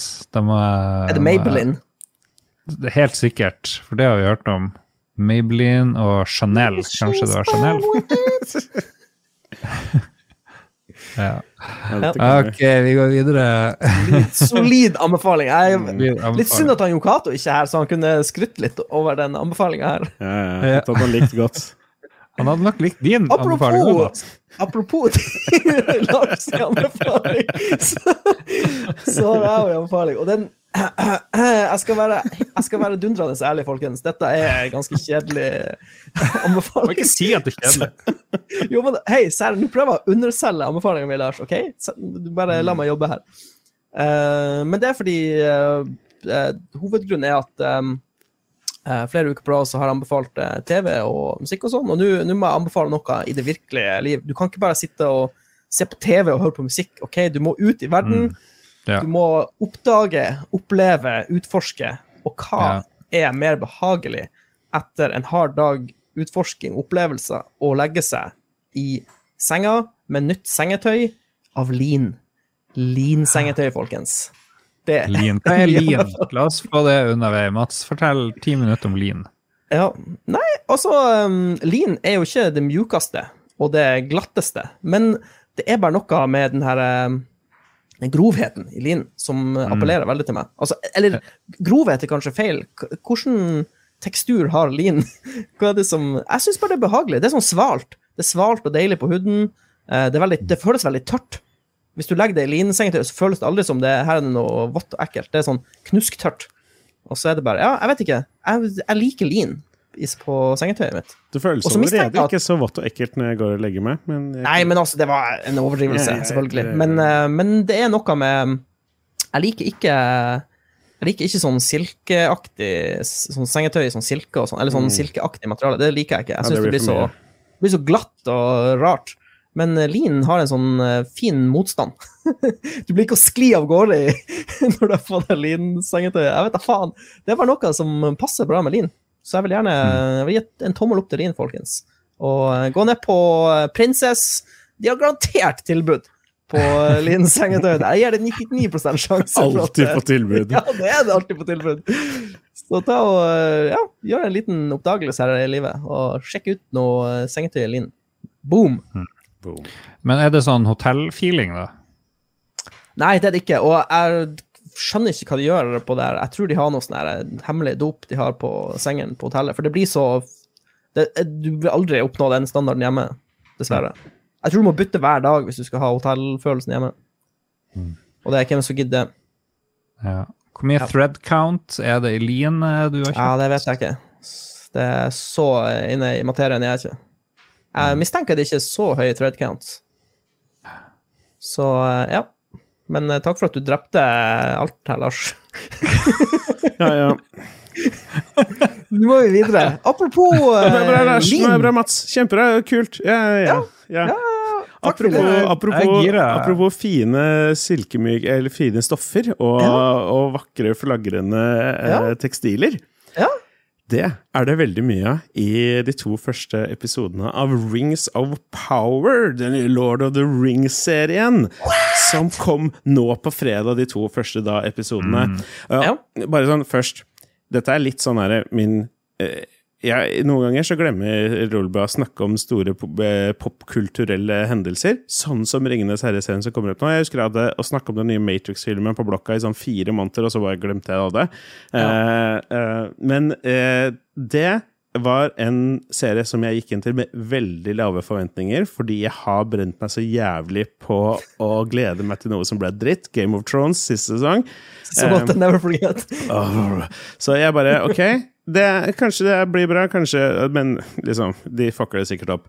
Og så så vi begge episodene nå på lørdag kveld, og det det syns jeg var gøy. Det er, og, mm, mm. Jeg liker god fantasy, og det ser det ut som vi, som vi får mye av her. Øh. Dere har sett det? Jeg, har sett, eh, jeg så de på fredag sjøl. Fuck yeah. Jeg var veldig hypa. Eh, Og jeg, har godfølelsen. Eh, Mitt førsteinntrykk er eh, positivt. Eh, Men de, altså, de, eh, de går ikke de tar, de tar seg god tid, for å si det sånn. Men det, jeg tror det er viktig. Jeg tror det er bra å, eh, å etablere, etablere universet som vi kjenner det. Det eneste, eneste jeg er skuffa over, er at eh, Er dette en spoiler? Jeg vet ikke om det er en spoiler, men Nei, nei. Uh, vi kan bare glemme Ok, alle som er redd for Rings of Power-spoilere, må lukke igjen ørene nå. Men det ser veldig dårlig ut med Morgoth. Jeg trodde at vi skulle få litt uh, The Great Enemy, Nei, Morgoth. han er vel eh, når Jeg tror det er noen andre som har rettighetene på han, eller noe sånt. Oh, ja, jeg vet sånn, ikke. ja. ja, jeg leste også en diskusjon om det som jeg ikke skjønte noen ting av. Om liksom forskjellige rettigheter ligger forskjellige steder. Men um, jeg, jeg, jeg liker Jeg syns castinga er dritbra, eh, og jeg syns de er kjempeflinke, de som er med så langt. Mm. Ja, jeg syns det funker kjempefint. Og det, de tar for seg på en måte en kul del av storyen som ingen kjenner, men er man litt nerd, så kjenner man på en måte til hendelsene og sånne ting. Og, men siden de da ikke har rettet på alt, så kommer de til å ta seg noen kreative på en måte, friheter, som gjør at det er spennende på en måte for alle, uavhengig av man, eh, hvor mye man har lest eller ikke. Ja. Kjæresten sovna midtveis, og da gidder ikke jeg å se mer av første episoden. Så jeg har ikke sett så veldig mye. Men det er noen andre som blir provosert over at de alvene skal være så jævlige. De er jo så Åh, de er jo alvene. De skal være så Overlegen. Prinsiøse og jeg Ja, men de er jo det. De er jo, eh, de er jo Altså, de, de lever lenger enn de andre. De er flinkere til alt de gjør. Så de, de er jo dessverre overlegen. Bokstavelig talt. Det er liksom Mm. Det er det som er greia med Ringenes herre. Nå trodde jeg du skulle dra opp det at, uh, mange, at det er noen folk som er grinte over at det er svarte alver. Uh, Jo, men vet du hva? Det er diskutert på discorden vår tidligere i dag. Ja, jeg snakka med, med noen kompiser, og det, er, det skjønner jeg ikke, fordi så lenge jeg har vært borti fantasy-sjangeren, spesielt med tanke på Dungeons and Dragons og sånn, så har jo alvene kommet i alle fargene, ever. Altså, alvene blir De er blå, de er helt kritthvite, de er oransje, de er Altså, sånn har det alltid vært. Så jeg forstår oppriktig ikke greia. Ja. Det- Men har vel de onde alvene har vel vært svart. Det er kanskje ikke politisk korrekt. Jo, men du har, du har jo, du har jo skogalver, og så har du sånn high elves, og så har du de som Og de, er, de som bor i skogen, jo, har jo sånn bronseaktig hud, eh, mens de som bor oppe i de fine slottene, er bleikere. Og, altså, du har Ja, ikke, ikke tenk så mye på de hudfargene til alvene. De, de har mange hudfarger uansett. Jeg kan fint liksom djevelens advokat til det. fordi liksom, eller sånn, Hvis du er megafan, og bare Og Lauren sitter liksom så dypt, og så vet du at alvene aldri har blitt omtalt som noe annet enn pale, fair skinned eller noe sånt noe, og så tenker du sånn Men for å kunne få en så mørk hudfarge, så må man være under så sterkt sollys i så lang tid. Ville det vært nok tid til at alvene liksom kunne Altså, jeg skjønner hvis du har lyst til å bare være en sånn Jo, men idiot, så er det noe, liksom. Men det er jo jævla teit. Men, men hvorfor er det da, hvis, hvis, hvis, eh, hvis alvene skal få brun hud fordi de er under sola mye, hvorfor er det da dr- dråene mørk hud når de bor under bakken? Så det er liksom, det er fantasy! Vi må, må bare ikke tenke så mye på det. Bare, bare, eh, bare følg med på storyen heller, folkens. Det, det er viktigere. Jeg vil kritisere tynn påkledning når de går i Nord-Norge og klatrer på isen, eller hva det er. Ja, det eneste ja, Kritikken min var at de for og klatra i rustning. Hvis jeg skulle isklatre, så ville jeg aldri hatt på meg metall, eh, sånn ting som veier, men det er kanskje alve Det er kanskje mitril eller noe sånt som ikke har så mye vekt. Det her Så Rings of Power det er vel den dyreste TV-serien lagd noen gang, visstnok. Det er jo litt artig. Føler dere at det er production value her som tilsvarer det? Ja, det synes veldig, syns jeg. Jeg syns Ja, jeg syns det, ser- det ser veldig bra ut. Mm. Visuelt. Du ser, du ser at de har brukt sykt mye penger på det. Ja. Og så har jeg også sett at det er noen sånne Hobbit-aktige vesen, og de er, de er litt sånn de er sånn karikaturer, alle sammen. Ja, Hobbitene er litt sånn der eh, naive og ser ut som de er litt sånn der eh, Alle er snille, alle er litt dum eller et eller annet. Og alvene er litt sånn der eh, supersnobbete. Jeg lurer på hva neste rasen jeg blir introdusert for. Eh, Ja. Så det blir spennende. Men eh, jeg likte for så vidt det jeg så. Men jeg husker, Mats, du nevnte da vi var på Stafett for livet og Redda verden, eh, at det var ikke så mange å heie på. Du savna Jo, men jeg, jeg, jeg, sa, jeg sa det, men når, jeg, når jeg kom tilbake og tenkte litt over det, så, så er jeg ikke enig med det jeg sa, fordi en av de beste karakterene er jo han der alven som begynner å krype ned i tunnelene og lete etter ondingene, han Ar Arondir. Eh, og han merker jeg at jeg heier litt eh, på med en gang, fordi han liksom han prøver, å, eh, han prøver å bli bedre kjent med ei menneskedame som er liksom fy-fy for alvene, tydeligvis. Mhm. Og så, ja, så eh, jeg er litt spent. Jeg heier ikke så mye på Galadriel foreløpig, for hun virker litt psykotisk, men det kan endre seg. Så, men hun, hun er veldig flink, hun dama som spiller Galadriel, for hun virker absurd intens. Eh, så ja. Jeg er, veldig spent, jeg er veldig spent på episode tre og fire og fem. Og Galadriel i, i filmene, var det jo eh, Gwen Stefani, eller var det, hvem Ja. var det som spilte henne? ja, Gwen Stefani. Husker ikke, det var ikke så mange viktige alvedamer i, i Ringenes hun, herre. er, hun er i skogen og gir deg, deler ut sånne gaver før de drar av gårde. Ja, hun var jo bare Ja. skummel eh, og veldig pen i filmene. Ja, hun er ganske intens, er sånn i, eh, ganske intens i de filmene, da, Lars. Jeg vet ikke om du husker Veldig intens. Og her er jo mer sånn Steven Segal eh, okay. ute i skogen. Og, Eh, Jeg så også folk sutre over det. 'Å, hun er jo en sorcerer, eh, men hun er ikke en kriger.' Å, oh, herregud. Det er godt å finne noe, alltid finne noe å sutre over. Det det De uansett, det, blir, det blir mye freestyle shit uansett, men jeg, ja, jeg er spent på fortsettelsen. Mm, Solid anbefaling. To første episoder av Rings of Power, altså. Sengetøy i lin og muligens sminke slash concealer på, på menn. Hvorfor ikke? Hvorfor ikke? Og da er det musikk. Hva er det vi hører nå, eh, Philip? Ja, det er jo en remix av den låta som vi hørte i stad. Som var en remix av den første låta vi hørte. Mm. Ja, den er veldig bra. Vi skal ha lytterspalte som eh, Ikke alltid, men som ofte. Da er det fri Uh, fri bar, for å si det sånn. Det er åpen post, nydelig, rett og slett. Ok, jeg kjører på, jeg, fordi Kristoffer Carlsen, nå er det bra at jeg er her. Do's and downs når det kommer til vafler. Hvor mange hjerter er ideelt? Hva kan man ha på, og hva er helt uaktuelt? Og så den viktige oppfølgingen. Pølse i vaffel? Kulinarisk magi eller styggedom? Jeg kan kanskje ta det første først. Ja. Ja, Vi prøvde jo rett. Vi prøvde jo wiener i vaffel. Ja, jeg syns ikke det var noe stor hit. Da tar det siste. Egentlig. Ja, nei, ja. Jeg, jeg, jeg syns det fungerte. Jeg kan, jeg kan forstå hvorfor folk gjør det. Du ødelegger jo vaffelen, som du kan ha rømme og, og Jo, men det er det som er Med en, sånn med en gang du, med en gang du eh, introduserer wienerpølser oppi vafler, så opphører det å være en dessert, og så blir det Ja. en, et måltid, eller en, en matenhet. Så Mm. du, og da kan du ikke da kan du ikke dose på med syltetøy, da må du ha pølsetilbehør. så Eller kan du det? Eller? Ja, men uansett, um, i mine øyne, vaffel, folkens. Vi har hver fredag på Nordsjøen så er det vaffeldag. Og da kan du steke din egen vaffel, og da, da kan jeg bare komme med fasiten. Mm. Det er rømme, eh, jordbærsyltetøy og eh, brunost. Det er de tre tilhørene du får. Jeg er så enig. Jeg er Så enig i en av de tre. Ja, ja, nettopp. Du må ikke ta alle, men de står, de Ja, står nei, nei, nei, på bordet. Ja, nei, Ikke sant? jeg- Så, og, Jeg og, og det er cateringa på Ekofisk som setter ut de tre tingene til vaflene, og det, det er på en måte fasiten, vil jeg si. Er Jeg prøver å si at jeg liker ikke rømme på vaffel. Og jeg foretrekker bringebærsyltetøy over jordbærsyltetøy. Men brunost, det, det kommer man ikke unna. Det er jævla good shit. Jeg er en veldig enkel vaffelmann. Jeg tar meg en vaffel, og så legger jeg brunosten på den ene sida vafla, så bretter jeg over, og så spiser, spiser vafla med brunost inni. Ja. Mm, ja, ja, det er altså ja. Jeg kjører på med bringebærsyltetøy, altså. For det er den komboen der. Det er, Ja. åh, med brunost. Mm. jeg får, eh, OK, fem hjerter versus fire hjerter. Er det noen fire hjerter-fans her? Jeg bryr meg uh. Eh, jeg må gjøre en visuell telling. Hvor mange hjerter er det på de hjernene der? Jeg lurer på om det er Jeg lurer på om det er oddetall. Jeg er litt usikker. Ding, ding, ding, ding. Nei, Jeg vet, jeg vet faktisk ikke. Jeg klarer ikke å svare. Hva er rett, Philip? Kristian Christian foretrekker fem.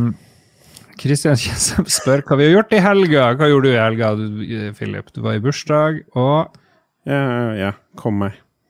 og kom Ja, det eh, Ja, vi gikk stafett for livet. Stafett for livet, spennende? Ja. Nei eh, Ja, vi hopper videre fra vaffelspørsmål. Skal du snakke mer om den stafetten? Ok, Frode Oppsal. Om synergieffekt og fallgruver forbundet med flipper og flørt. Ikke den flinke delfinen. Mm. Flipperspill. Flip, flipper og flørt. Eh, Nå henger jeg ikke med. Nei, jeg måtte Har Lars spurt om noe veldig spesifikt, eller? Nei, det Nei, det Altså, ok, det er flipper som ikke er delfin. Altså, som i, da må det jo være flipperspill.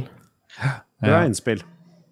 Ja, Hvis du er veldig opptatt av flipper og skal stå en halvtime med flipperspill, og så står dama og kjeder seg, eller motsatt, eller samme kjønn Trenger vi Puntis. Hvordan Puntis? Ja. Her er han Puntis! Han sier 'raske menn gir oss verdenshistorien på fem minutter'. Så da syns han Lolbua skal gi oss spillhistorien på fem minutter. Litt i samme humoristiske stil som 'Raske menn' gjorde verdenshistorien. Kjør! Ja, OK, i 1980 så kom Rogue. Og så i 1981 Ultima. 1982 Donkey Kong Jr., 1983 Star Wars, 1984 Tetris, 1985 Super Mario Bros., 1997 Final Fantasy 7. Ferdig. Ja. Rebekka Rebecca Mø vil at vi skal snakke om Lem88, hennes eh, kjære mann. Og begge har jo vært eh, Patrions Deluxe, så takk for det. Og Lem88 han hadde jo en vanskelig oppvekst. Han, eh, han ble født i, eh, i under trange kår. 1988. I, på, på et fjell nede i Oslo.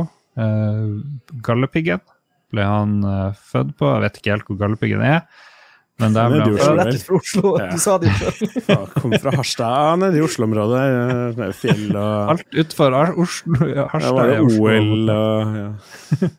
Ja, og så eh, ble han tidlig eh, kjent som en barnestjerne, for han kunne snakke med hester. Og så gikk det slag i slag med Lem88, som nå eh, livnærer seg som forfatter av barnebøker primært om hest. Så ja. Ja. Jeg syns vi skal heie på han, Lemme. At han har, han, Sånn. han har fått det til å fungere til tross for at han ble født på et fjell. ja. Ble født på et fjell. Ganske dårlig start på livet, liksom. Mm. Han, eh, Morgan Slang eh, sier bortsett fra å snakke om hvordan vi over tid blir stadig mindre og mindre sexy, så kommer han ikke på noe. Jeg hadde lyst til å reagere på det umiddelbart, men men vi blir jo eldre alle sammen. Ja. Så, ja, Så det, eh, det er dessverre uunngåelig. Blir George Clooney mindre sexy eh, etter hvert? Har han På et visst punkt, ja. ja, han når jo en peak på et eller annet ja. tidspunkt. Han blir jo toppe. Så går det nedover. kanskje har han allerede toppa. Har du sett eh, George Clooney fra den der eh, Tarantino-filmen? Ja. Nei, den Tarantino-filmen den eh, med vampyrene. Mm. From Dusk til Dawn. Det tror jeg er peak Clooney. Nei. Nei, det er 20 år for tidlig, men han er, ja. men han er, han er kjekk der. Han skal ha det. Ja. Ja, nei, Ja, George Clooney er kjekk uansett, han. Ja, er Ok, han. vet du hva, Når jeg tenker meg om når det gjelder kaffereklamene, så er han ganske kjekk. Mhm. Min, min drøm er å bli gammel og kjekk og være med i en sånn kaffereklame. Det er seriøst det beste som kan skje med meg. ja, det er eneste som holder deg tilbake, er alderen din. Det er jævla kjedelig. Ja, For jeg er for ung. Jeg har sett Brad Pitt er også med i sånn kaffereklame. Det er litt kjedelig, da. Han drar ut på sånn motorsykkel, og så drar han og kjøper kaffe, og så bare øh. Han har sikkert fått masse penger, da. Han får garantert eh, godt betalt. Han Ja. eh, Nicolas Mork spør om det er lov, lov til å skjemme bort barna på retromessa. Hvor går grensen for hvor dyr en kosebamse kan bli? Der ser jeg med en gang hvor han vil. Jeg kan jo komme med backstoryen. Ja. Ståle og alle, bortsett fra oss, eh, virka det som, var på retrospillmessa, og der kjøpte Ståle en sånn her eh, kosedings, tror jeg, til jeg tror det var 500 kroner, et eller annet sånt. Er det øvre, øvre grense? Det var vel ikke en bamse, men et eller annet. et, sånn Men jeg er jo litt sånn onkel, for jeg kjøper dyre ting til niesene mine. Men jeg tenker kosebamse, så har det, kommer litt an på er. ikke sant? Hvis det er en sånn liten sånn, sånn her Nå viser jeg litt med hendene mine. men Hvis det er på størrelsen av et menneskehode, så vil jeg si at uh, det burde ikke være dyrere enn 499. Mhm. Men hvis, den, hvis den er like stort som en person, hvis det er en menneskestørrelse eh, kosedyr, så kan jeg jo skjønne at dette, dette blir jo koste flere tusen kroner. Så det, det kommer jo litt an på hvor mye materiale de har brukt på, eh, på bamsen. Ja, det er noe med det. Hvis vi bruker den eh, menneskehodeskalaen, så syns jeg 500 til da, det syns jeg er mye. Det, Jo, men da tenker jeg, da Det tenker jeg det er noe sånn high end shit. Det er noe sånn her eh, ja, Det er det er veldig butikk kosebamse. ja, for det finnes noen Tifa-plushies i den størrelsen som ikke engang jeg har kjøpt. Så da, ja, okay. jeg skjønner hvor- hvor det kommer fra. Stian Mæland har to eh, knallspørsmål i dag. Hva er de uskrevne reglene på arbeidsplassen, er det første. Og ja, hva er det for noe? Litt usikker. Eh, ikke, vær, ikke vær sykt masete hvis du kommer og ber om hjelp til noe. Bare sånn, Vær litt diplomatisk, og kanskje, kanskje ta en kaffe først. Vi har Ingen liker sånne sykt masete folk som kommer og stresser uh, på en arbeidsplassen. Så Ja. ta og chill. Chill the fuck out, dude! Pre-pandemien så kom det veldig mye folk syke på jobb og forkjølt og sånt. Det syns jeg har forsvunnet helt. Nå har folk hjemmekontor hvis de er litt snufsete og sånn, for å ikke bare smitte alle sammen. Det er jo ikke alle arbeidsplasser man kan gjøre det på, selvfølgelig. Vanskelig på Nordsjøen osv. Ja. Men eh, kontorjobber, der går jo det ofte veldig fint an. Så det syns jeg er en fin Den er ikke skrevet ned noen plass, men det gjør folk. Så det støtter jeg. Mm. Ja, og, og jeg en ting, en til. Hvis du tar siste koppen med kaffe, så trakk du en nye kanne. Boom. Ja, jeg Ja. slipper unna der, for jeg drikker bare en halv kopp og sier bestandig nei, jeg orker ikke, og så får jeg snike meg til en kopp kaffe. bare oh, for å få det- fucking leech. rush. Vi bruker kaffemaskin, så jeg tenker ikke noe på det. Men det er mye renslighet vi har, holdt på til en viss grad. Det er sånn Gjør litt sånn som du vil på pulten din. Du kan ha det litt rotete, men liksom ikke for mye. Eh, og hvis noen finner kaffekopper din stående et random sted i kontoret, så er det litt dårlig stemning, på en måte. En, ja. en, altså en tom en, som du ja, Har, har alle en sånn personlig kaffekopp med sånn liksom morsom greie, sånn tema på? Eh, nei, bare et par stykker. De fleste bruker random Ja, okay. har, du, har du en personlig kaffekopp? Ja. Hva er eh, Vent litt, vent litt. Oh, oh, vent litt. Nei, Er det er det ikke Fun Fancy-relatert. oh, det var det jeg skulle spørre om! ja, jeg har åtte kopper som er Final Fantasy-relatert, liksom, men de er alle på kjøkkenet. hva din daily driver på jobb? Hva står det på den? Jeg, Jeg fikk en av, av venninna mi som en sånn spesiell sånn her Når du starter i denne, i den nye jobben, så nå må du bruke denne koppen. Det blir bra. Eh, men Det er en sånn stor og rosa termokopp eh, hvor det står 'I didn't wake up like this' på. Eh, og det er jeg vet ikke, det er ikke noe annet enn at den er litt stor og rosa. Og jeg fikk den av en god venn som var eh, Ja. Ja, det Jeg er har litt kjedelig Jeg har en stor kopp hvor det står bare 'Nice' med N-A-J-S. Det er det eneste som står på den. Mm. Men det var fordi jeg sier, sier det veldig mye. Så det, det er en ting. Morsomt. Ja, vi, å, vi kjøper en til Lars hvor det står 'Jesus Christ' på. Jesus lord! Ja, Jesus Lord. det er sikkert ikke vanskelig å finne engang. Det, er. Ja, det, finnes, det finnes garantert en Jesus lord. Det Trenger ikke å få trykka opp det spesielt, nei. Nei. Men det har kommet et morsomt oppfordringsspørsmål. Han Stian Mæland Han spør om hvilken film serie skremte livskiten av oss som barn, og så har han eh, lagt med en gif av Hufsa fra eh, Mummidalen. Ja, fasit, egentlig. Jeg husker jeg var dødsredd for Hufsa da jeg var liten. Ok, jeg har, jeg har faktisk en, et, et relevant svar her, og det er Husker dere, eh, dere Jeg vet ikke om dere så på Fraglene når dere var små? Jo, jo. Ja. det, det er en sånn eh, Jeg husker ikke hvor ofte det skjedde i serien, men de skulle springe gjennom en sånn bakgård, og så var det noen sånne her, eh, svære folk der som prøvde å trampe på dem. Jeg ble, Gur Gurgan, eller jeg ble så sykt Jeg ble så megastressa når de skulle eh, snike seg gjennom det der bak nær hagen. Det var bare Det er PTSD, sånn barndoms-PTSD. Jeg var så redd for at de skulle bli trampa i hjel av de der eh, store kippingene. Han der er det eneste mennesket som var med, var det han der fyren med hund i Fraglene. Eh, Han som bodde Ja. der hvor de gikk ut. Ja, det var kanskje han som bodde, bodde der de var og gjemte seg. Han virka, så, han virka ganske creepy. Jeg var ikke redd. Gammel, gammel mann. Var Ja. han så skummel? Nei, han bare irriterte meg. Tror jeg. Okay. Han snakka med den hunden og drev og Men du var jo litt større enn når du så flaglene? sikkert. Ja, jeg ble skremt av Karius og Baktus-TV-serien, da det Ja. en ting. Så Karius og det syns jeg var scary. Ble, ble du, var du redd Karius og Baktus, eller var du redd at det skulle gå hull i tennene dine, og at de skulle, de skulle flytte inn dit? Det var skummelt da de ble sendt ut i havet eller noe sånt. Ja, når det her eh, tannbørsten kom og Spoiler alert. Jeg, jeg hadde, jeg, var, jeg hadde tannlegeskrekk, eller ikke tannlegeskrekk sånn egentlig, men borreskrekk. Jeg har heldigvis aldri bora hele mitt liv, fordi tennene mine er magiske. Jeg var så redd for å måtte bore da jeg var liten, fordi ja, i Karius så kom det bor inn, og så var det sånn svært, og, og det så kjempeskummelt ut. Tannbørsten var grei, men det bare var skummelt som faen. Scary as fuck. Ja, og så var det ei som het Laika, kvinnen fra verdensrommet, eller noe sånt. Hun hadde sånn superpower, så drev og fløy. Jeg tror det var sånn tsjekkisk serie. eller noe. Den var, var freaky. Men den er super, super old. Det, ble, det var før min tid. Tsjekkisk barne-TV, tror jeg. Det, tror jeg er mye rart. Så vidt jeg har skjønt. Eh, Tommy Myhren lurer på om vi ikke kan snakke litt om dataspill denne uka her. ja, vi har ikke tid til det. Vi har gjort det masse! Det er kjempebra. Ja, vi, har, vi har faktisk snakka mye. Vi snakka veldig mye om 1985. Han er så fornøyd. Ja. Eh, Sten Tony Hansen har heldigvis noe helt annet. Han vil at vi skal snakke om at Burger King endelig kommer til Alta. Etter så mange år med lovnader hit og dit, så ser det endelig ut at det går veien nå. Må bare passe på ikke spise det for ofte.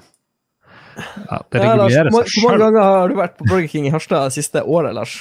Nei, to, kanskje. Jeg vet ikke. Oi, ok, det var mye mer enn jeg hadde tenkt å gjette. Ja, noe Ja. sånt. Sist, ja. Men det er deilig av og til, og så angrer jeg etterpå. Og så har det litt med at klientellet der er litt sånn folk ofte som du tenker Her er det mye usunne folk, tenker jeg med en gang de er inne på en Burger King. Så ja, Du, går bare rundt og dømmer folk, Lars. ja jeg gjør det. Nei, fordi jeg, jeg tenkte sånn Hvor skal jeg gå med det her?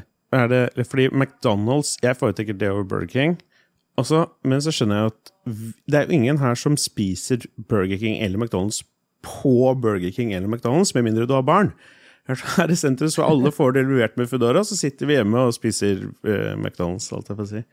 Eh, jeg det Når du er på, er på en kveld ute på byen, så går man jo gjerne på McDonald's i ja, Oslo. Da er alt lov. Ja. Det er sosiale Men da, kontakter. når promille er med i bildet, så eh, da Altså, vanlige kjøreregler teller ikke, da. Det, Ja, det er derfor jeg drikker så mye.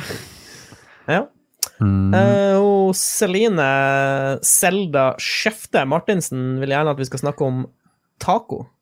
Og da er det jo Mm. Jon Taco, da. Han har vi snakka masse om. Ja. Og Jon Taco er kan, kan alltid snakke om taco.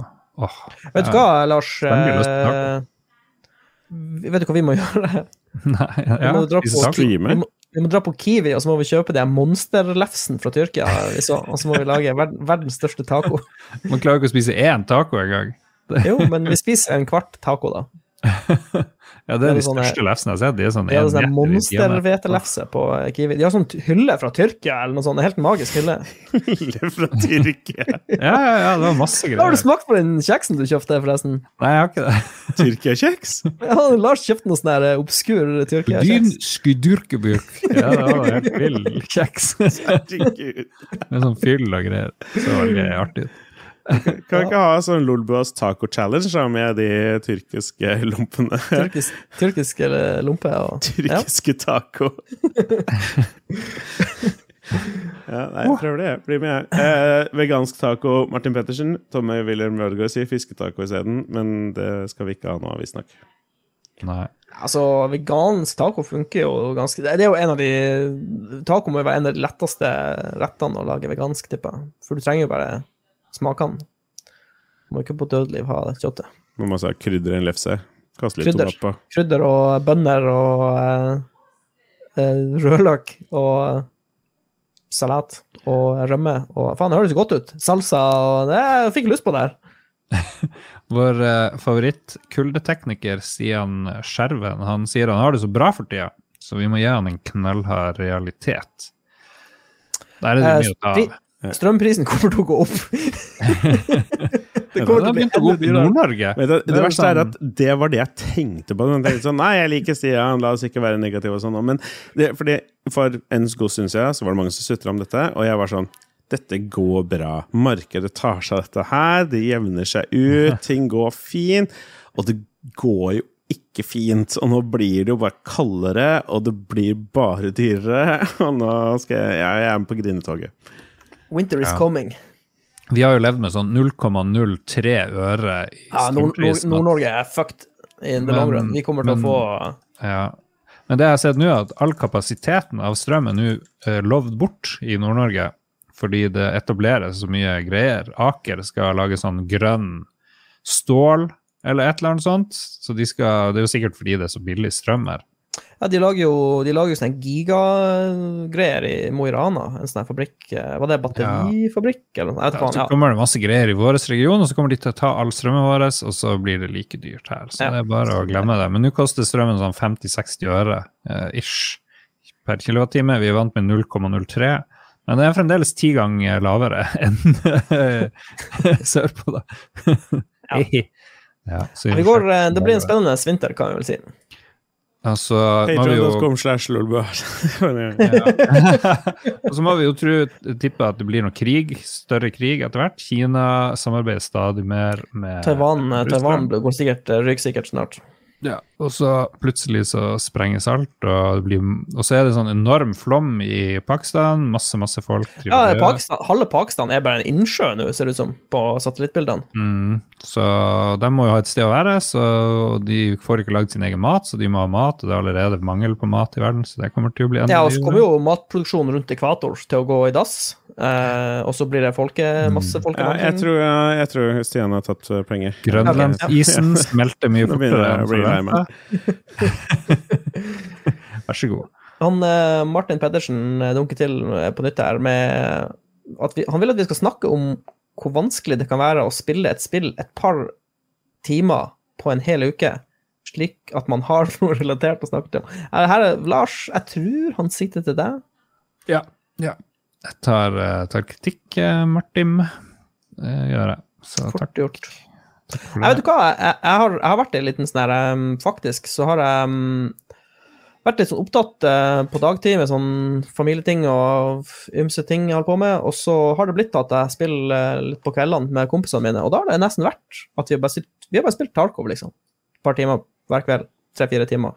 Fem timer hver kveld. Og Mm. da, da sliter jeg da sliter jeg litt, men nå, nå med Warhammer, så jeg tror jeg har eh, brutt eh, syklusen litt. For nå, eh, fy faen, altså, så jævlig kult det er med gigastor kampanje i Warhammer. Så neste uke kan du snakke om det igjen. Nei da. Men kanskje jeg spiller noe enda noe nytt. Mm. Kanskje jeg spiller um, Warhammer Co-op online med Philip. Uh, Ja! For eksempel. Mm -mm. Jeg skulle til å si uh, Darktide, men det kommer jo ikke før i november. Rip. Ja, det er, ikke, er det der Dungeon Crawler og Diablo-aktige greiene? Nei, det blir sånn Det blir um, eh, Left for Dead i Warhammer 40 000, på en måte. Eller sånn horde-mode. Det tror jeg blir jævlig kult.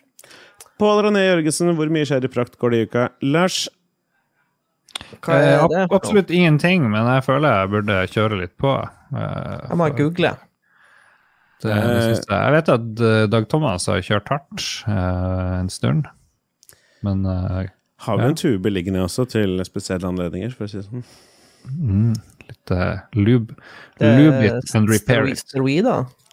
Ja, det er sånn Ja. du bruker rundt analåpninga, gjerne.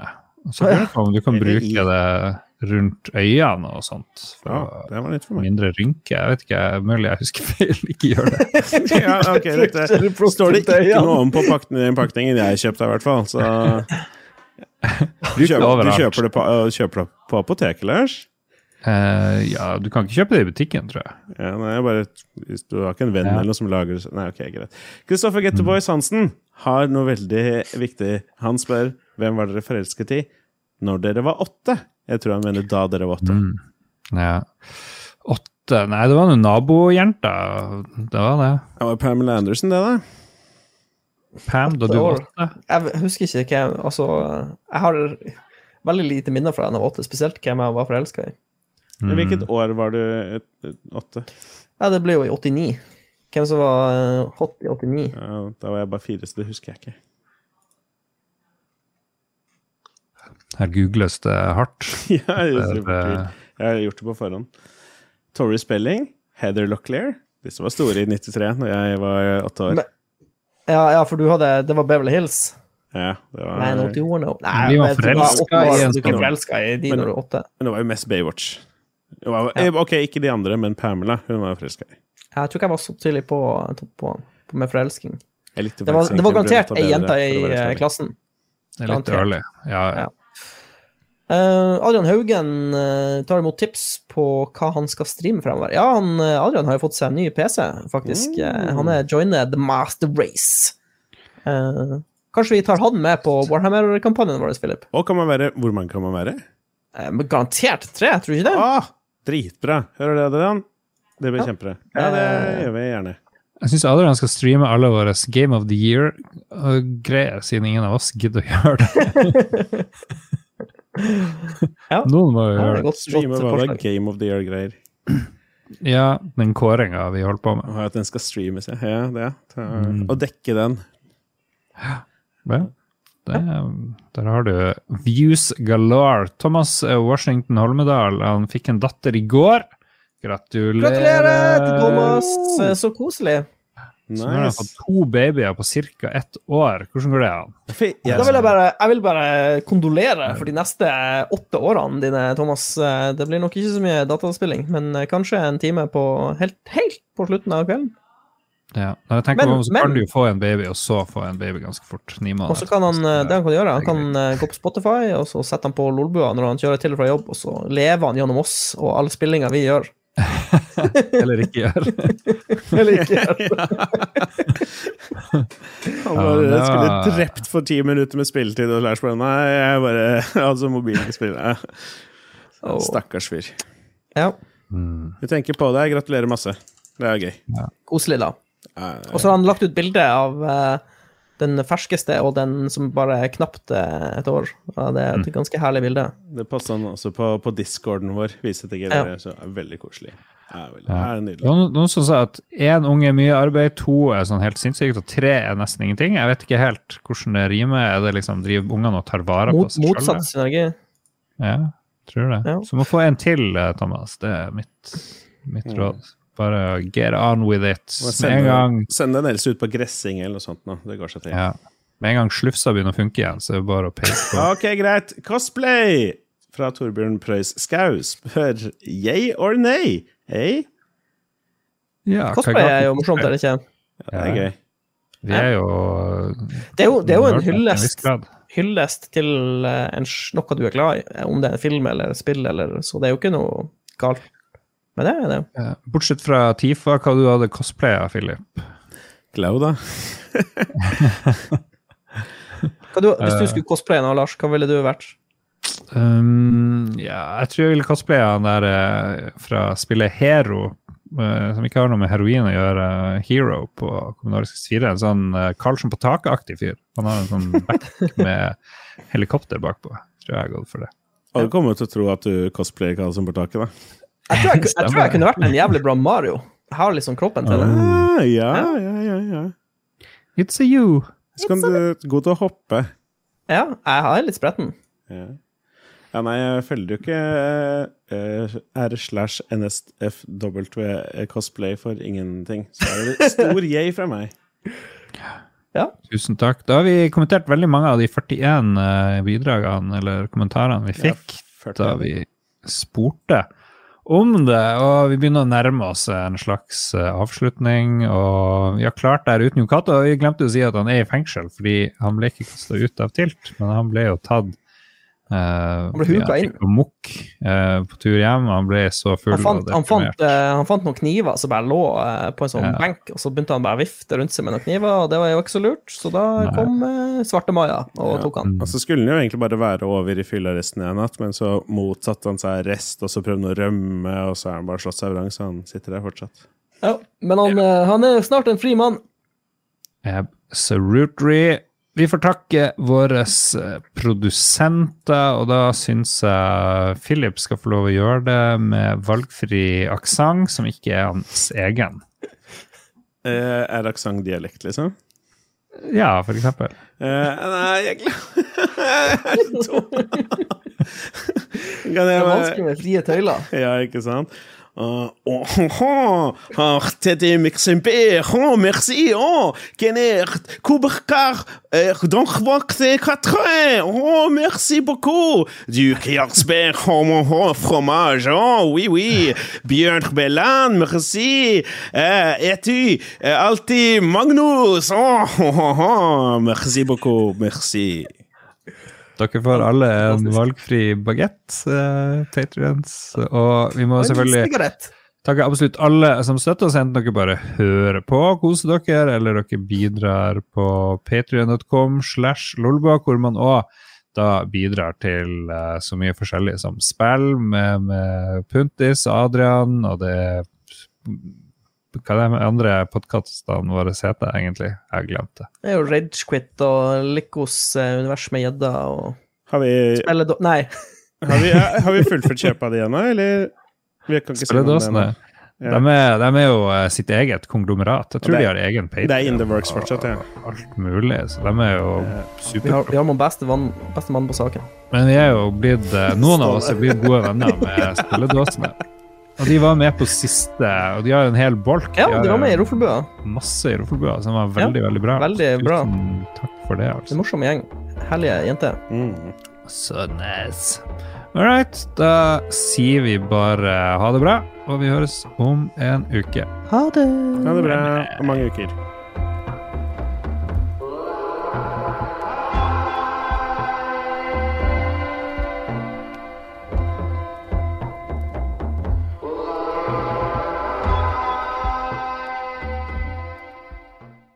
Har du et enkeltpersonforetak eller en liten bedrift? Da er du sikkert lei av å høre meg snakke om hvor enkelt det er med kvitteringer og bilag i fiken, så vi eh, gir oss her, vi. Fordi vi liker enkelt. Fiken superenkelt regnskap.